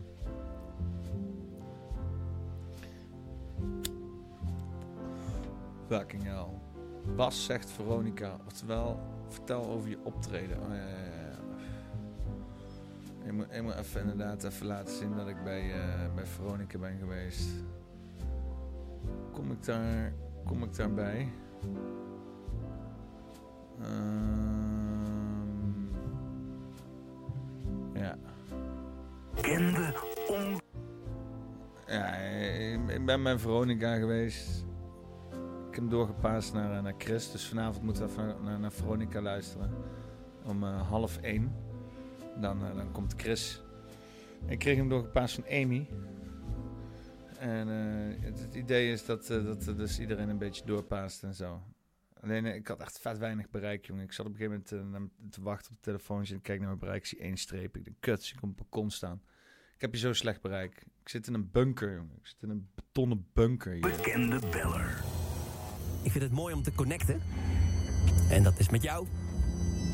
Maar iedereen die zou ik wel aan elkaar willen verbinden. En zo iedere nacht tegen half één dan bel ik met een mysterieus nummer. In zoverre mysterieus dat ik die heb gekregen van de voorganger. En ik begon eh, drie weken geleden bij eh, Ronald Gippard. Daar ben ik via een cameravrouw, een nachtdichter, een presentator... de nachtburgemeester van eh, Amsterdam, een onderwatertunnelbouwer in Denemarken... En de ontwerper van Fantasieland tot naar gisteren gegaan. Een vrouwelijke veteraan die bezig was met het kunstproject Helmen voor Verhalen. En zij heeft mij weer doorgelinkt aan iemand. En dit was de hint. Jouw mysterieuze beller vannacht, Thijs, Ja? is eh, een poppenkastgast. En deze poppenkastgast eh, gast is in de geest van Veronica eigenlijk bezig om te kijken hoe het zit met de informatieverzadiging, waar we tegenwoordig last eh, van hebben. Een echte interessante gast. En eh, de poes is het er ook mee eens. Succes Dat was broer of zus, de poes van Amy. vannacht. Oké, ik heb nu letterlijk het nummer ingetypt. As we speak. Het is altijd spannend of iemand opneemt zo rond half één, maar het is gewoon leuk. Oeh, dat gaat snel. Nee, Peter van Atwoord. Dag Peter, je spreekt met Thijs van Veronica. Hallo, Thijs. Altijd blij als eh, de mysterieuze beller opneemt. Ja, nou, ik zat er wel klaar voor, dus. Oh, je zet je, stiekem mee te luisteren. Ja, ja. Ik eh, ben maar even weggelopen, want ik zag dat ik heel weinig streepjes had. Ik denk, eh, misschien moet ik even uit de betonnen doos stappen. Ja, ja, ik hoor wel dat je eh, een, een, een wat wollige verbinding hebt, maar je bent volgens mij wel te staan, verstaan. Ik, zet, eh, ik zal de, de jingle wat, wat beetje wat eh, muziek wat zachter zetten. Hé, hey, maar leuk Peter om je te spreken. Ehm, ja, wat, wat betekent die nacht voor jou? Je klinkt nog wakker. Ja, ja, ja, ja. Ik ben in de nacht altijd wakker. Ik heb... ja, ik word pas actief eh, in, de, in de middag, een beetje rond tien uur. Voor tien uur is er voor mij niks te beleven. Ah, tien uur is en, niet de eh, middag, als ik hè? niks aan Nee, ja, dan tien uur dan, dan begint mijn brein pas te lopen. En eigenlijk zeker nog twee uur nodig om eh, te acclimatiseren aan het feit dat ik wakker ben. dus ja, dan, dan, dan, dan kan het zo nog een paar uur doorkabbelen.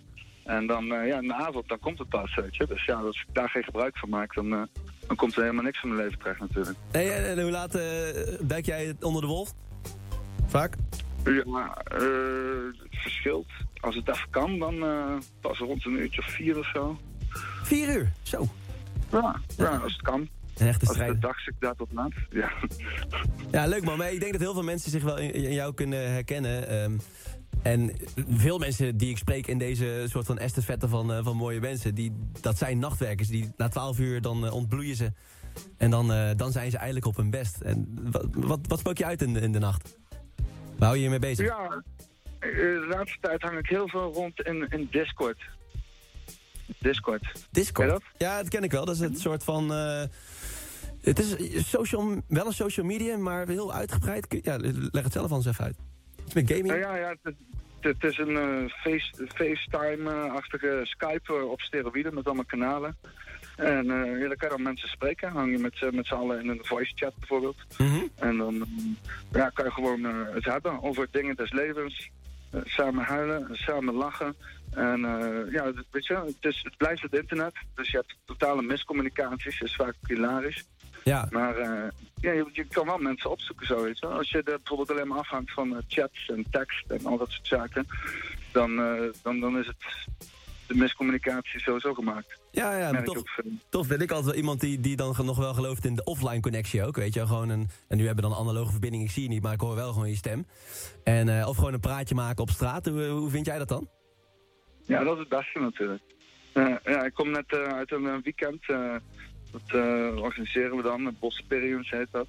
En dan komen we eigenlijk met z'n allen samen. Dat is ook grappig, want dan kijkt bijvoorbeeld iemand, weet ik veel, twee jaar vanuit de chat of zo. En dan zie je hem in het echt. En eh, dat is altijd wel altijd een hele bizarre ervaring op een of andere manier. Ja, dat geloof ik wel. Een beetje eh, dat Tinder-verhaal dat je een date hebt. Ja, in dit geval dan gewoon een vriendschappelijke date waarschijnlijk. Maar, ehm, de- en, en dat iemand dan toch eh, of er heel, heel knap uitziet of, of toch een beetje tegenvalt. En het ziet er nooit uit als, als je had verwacht. Als je iemand nog nooit hebt gezien, alleen maar van stem kent of helemaal van tekst, Ja. ja, dan word je altijd gemindblown. Dat is echt ongelooflijk. Het probleem is, je creëert natuurlijk een soort van eigen waarheid. Hè? Dus ook als je bijvoorbeeld ehm, met iemand afspreekt en, en, en dan in date, datevorm of zo, dat je heel lang aan het chatten bent. Je gaat natuurlijk een hele eigen fantasie creëren van hoe diegene er dan uit zou zien. En eh, Ja, je ja, vult- dat is dan altijd anders. zelf in. man. Je, je vult helemaal zelf in eh, met, met allerlei aannames. En eh, ja, die kan je dan op zo'n moment meteen allemaal overboord gooien. gooien dus dat is wel grappig. Ja, nee, precies. Hey, ehm, Amy die had het over de poppenkastgast. Ja. Vertel me daar eens even wat over. Ja, ik ben eh, twee jaar geleden een podcast begonnen op YouTube. En eh, ja, ik weet niet, eh, ik ben veel van... ik heb heel veel tv gekeken in mijn leven, eigenlijk heel veel tv. Radio, media, ook studie gedaan daarvoor en alles. En, maar ja, ik, ik, had het idee dat het allemaal eh, eentonig was. Ja, je ziet natuurlijk een hele revolutie op het internet, is al een tijdje gaande. En ik wou er ook wel aan deelnemen om een beetje, ja, toch gewoon een ander, een ander geluid te creëren, een andere visie te hebben op hoe media aan elkaar kan zitten en zo. Dus eh ik ben een podcast begonnen. Insteek is, ik bereid niks voor. Hè, dus eh, we creëren een gesprek in het moment. En dat draait puur om dat moment zelf. Dus ik schakel ook in het moment live. Eh, er wordt niet tegen geknipt achteraf. En ja, dan heb ik een gesprek met gasten. Twee, drie uur, soms zeven uur zelfs. En, Zeven uur? dat stop ik online. Zeven uur, ja. Een gesprek van zeven uur. Ja. maar maar luister, Ja. wel iemand die dat dan helemaal, helemaal afluistert ook. In één ruk. Er zijn mensen die dat helemaal afluisteren. Daar ik zelf ook nog steeds van te kijken. Ah, maar ik, ik was even op, op het verkeerde been gezet. Ik dacht, jij bent zo'n poppenkast speler. Maar je bedoelt de poppenkast, bedoel jij wat de media af en toe kan zijn? Ja, ja, je hoort het eh, constant. Ik heb wel een hele, hele compilatie van mensen die poppenkast zeggen. Ja. En eh, ja, ik, ik hoorde zeg maar eh, ook dat een paar jaar geleden. En ik denk dat het leukste is als je de K en schreven vangt. Dan heb je een, podcast. Ah, de poppenkast. Ja, precies. Dat is in ieder geval een sterke titel. En de titel is de helft van het, van het idee vaak, hè? Ja, ja hij, is, hij is al wel een keer bijna gejat. Ik heb al een, een, een brand war gehad met, eh, met andere alternatieve media.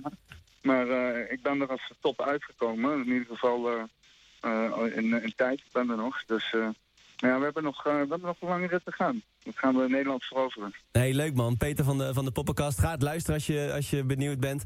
En ehm, ik vond het leuk om je het eh, gesproken te hebben. En dit hebben wij natuurlijk ook niet voorbereid. Dus ik hoop dat je, jij daar ook blij mee was. En dat dit dan eh, niet onder de Poppenkast valt. Ja, dat is een goedkeuring van Poppenkast. Dus, dus, dus ook even goedkeuring. Nee, zeker. Je kan het zelf ook expres niet voorbereiden. Dus Hey, dat is mooi. Leuk man, leuk man. Hey, je mag me doorlinken eh, over precies 24 uur eh, aan de volgende persoon. Het mag echt iedereen zijn. Ik geloof dat er iedereen onbekend of bekend gewoon een, een, een mooi verhaal heeft. En het maakt mij niet uit of iemand eh, Beatrix is of de vadersman op de hoek. Dus ehm, Ja, link me door en ik ben heel benieuwd wie er gaat opnemen morgen. Helemaal goed, dat gaat goed komen. Dankjewel, Peter. Ik moet hem snel afzetten, anders heb ik meteen rechten. Maar hij draaide wel even Lenny Kravitz daar. Episch. Eh, ik ben eh, daar zeker niet tekort gedaan. Ik eh, was gewoon zo waar zenuwachtig, kerel. Hij was echt, ik, ik, ik realiseerde me op een gegeven moment om 11 uur. Ik denk, ja, dat is leuk. Nog anderhalf uur. En ik ben dan best verstoned. Ik denk, ik straks dom te doen op landelijke radio. En heel veel mensen, weet je, het kan misschien soms zijn dat onvoorbereid iets ingaan, dat dat zeg maar zo van, ah ja, maar dan ben je lui en zo. Maar best eng, zeg maar, weet je wel. Soms wil je juist zoveel mogelijk voorbereid zijn om de angst dat iets fout gaat weg te nemen of zo. Dus, eh, dus ik moest mezelf echt zeg maar in een sfeer houden van nee, nee, je gaat gewoon onvo- je gaat me niks voorbereiden. Ik zat al wel in de Discord, zo, oh, ik zat het dingetje over Veronica uit te zoeken en zo. is helemaal niet daarover gegaan. Maakt niet uit. Ach ja.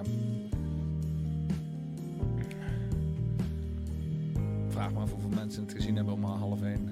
Maar ja, dus om half één kijken, eh, luisteren naar... eh, ik ga sowieso even, ik ga even de Discord even luisteren naar wat fuck eh, Chris ervan gaat breien. Ben benieuwd. Ehm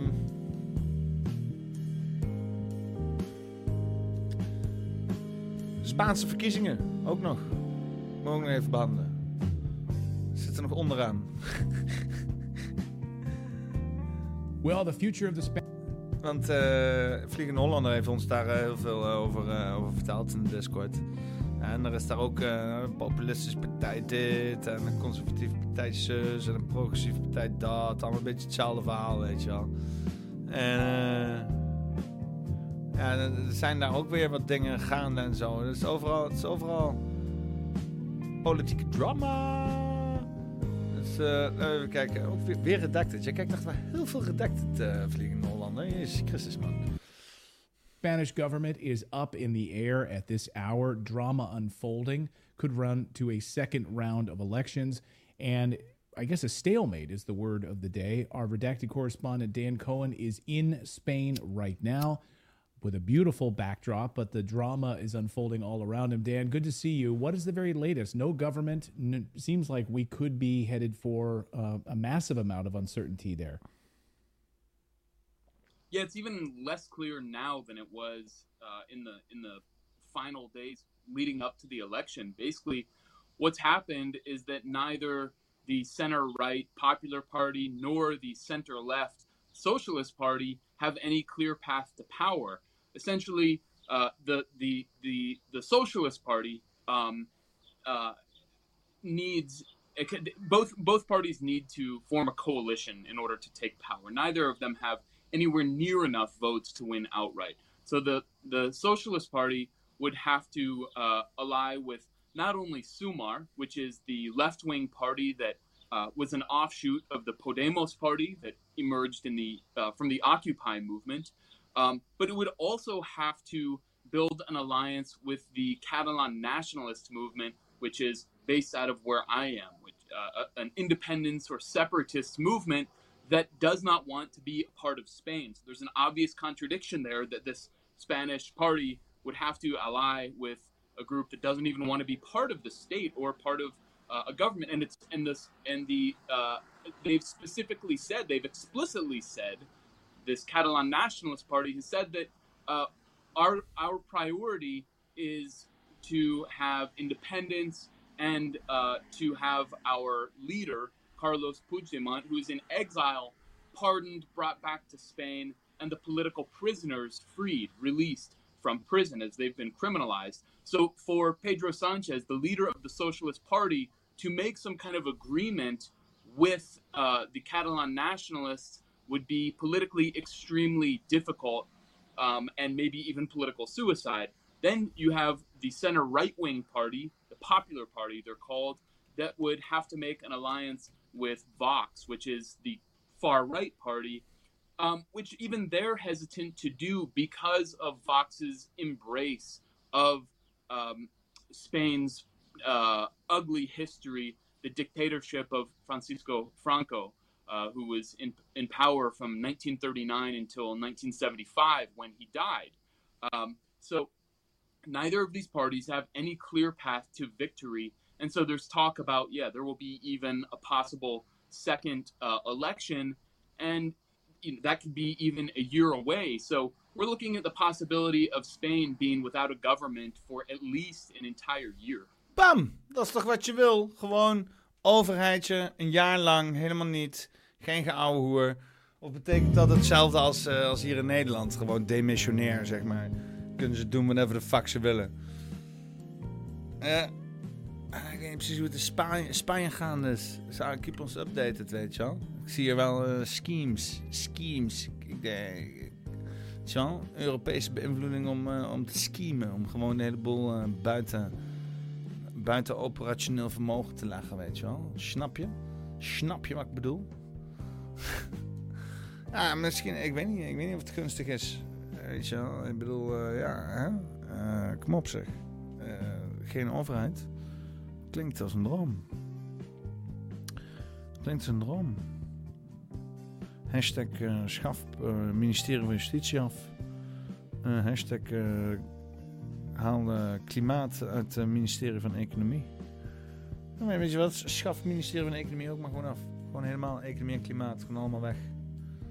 Ja. Ontsla. Zeker een half miljoen ambtenaren. Gewoon doen. Geef ze maar gewoon mooi, een mooi exitplan. Zo gebeurt met mijn ouders. Je gewoon doen. Gewoon een sociaal, eh, sociaal plan opzetten. Gewoon de oudste. Weet je wel, die hebben het kortste werken naar de pensioen. Kan die pensioenpot aanrammelen. Dat is oké. Gewoon eruit. Non. Half miljoen ambtenaren weg. En gewoon eh, lichtjes doorgaan. Gewoon lean, weet je wel? Lean, zoals ze dat zeggen in de business. In de business. Lean government. Snel, klein. Aangestuurd door publieke belangen. Een beetje zo, een beetje zo lopen kutten met de EU wel. Niet, niet, je kan de EU uitgaan, kan je doen. Kan je doen.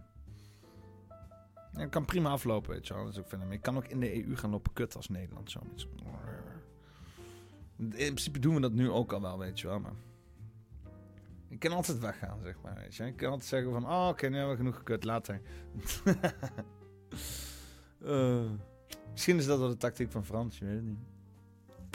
We weten dat het duurzame crap, dat gaat toch niet werken. Gaat toch je ziet het nou al falen. Alles vliegt in de fik, alles, niks kan geblust worden. Eh kost allemaal duur, wekt er maar gereed op. Je hebt nog steeds evenveel conventionele eh, energietoevoer nodig voor een moment dat het niet werkt. Het is allemaal crap.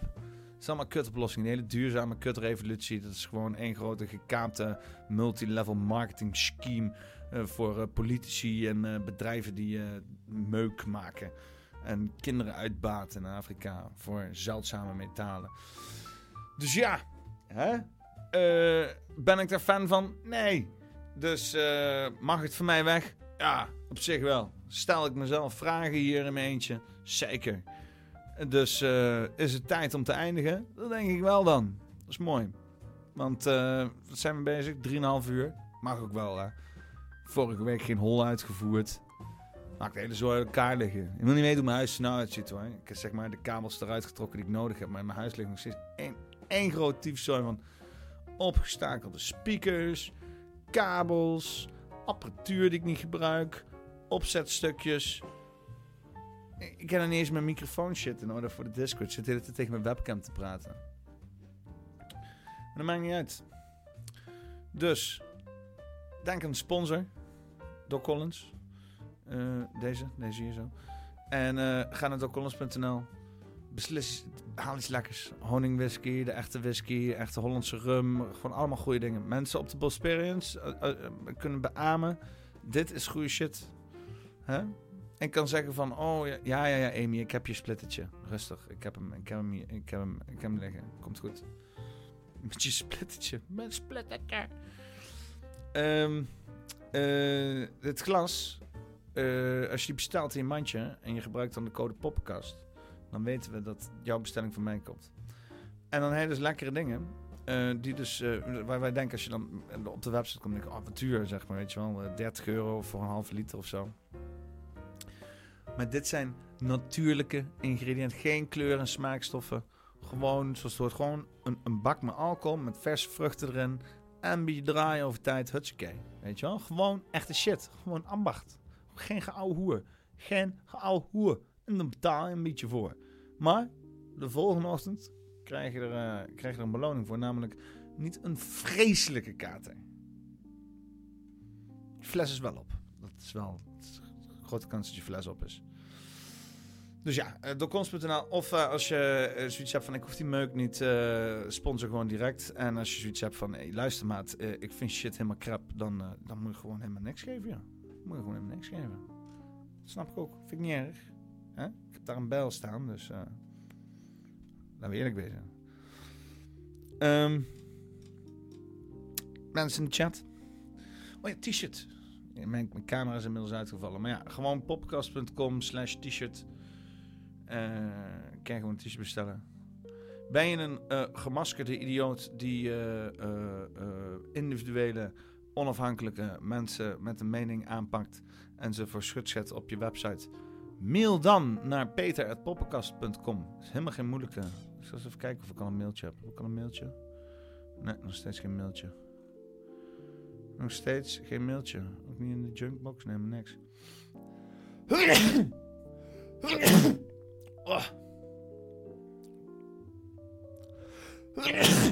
Zo, non de jus. Ah, drie. Ah, het beste dingen komen in uh, drie. Uh, gezondheid, thanks man. Um, mensen in de chat. Wie hebben we allemaal in de chat hangen, jongens? Bedankt mensen in de chat. Zoals Amy van Sonbas, de second. Bram Buurt, Vliegende Hollander. Ewout van Mansum, Esther. Hero Frans Timmermans. Jelle Poel, uh, Jordi Rotterdam, uh, Jos Broersma, Love Hunting, Maya Movies, Natasja van Dijk, Peter Leeuw, Piepeloentje 68, Plato, Prince of Darkness 1984, Revive Jesus en Swerm J. En helemaal onderaan Wil Gerards. Jongens, bedankt weer. Uh, bedankt uh, Ewout en, uh, en Jelle en Oldschool en, en Vliegende Hollander. En ik hoop dat ik iedereen heb praat voor alle toevoer van content via Discord. We komen er wel uit. Hè? Op een dag zijn we ooit een echt mediabedrijf. Ik heb een visie voor me. Studio uit mijn huis. Kunnen we de meest lijpe figuren uitnodigen wie we willen gaat uh, Jelle en Joost gaan daar zitten. Die gaan de chat beheersen. En dan uh, kan Vliegende en Jay kan gewoon via de, de, de, Discord bij betrekken worden. Door nog drie andere posities die bekleed worden. Erik kan er misschien wel bij betrokken worden.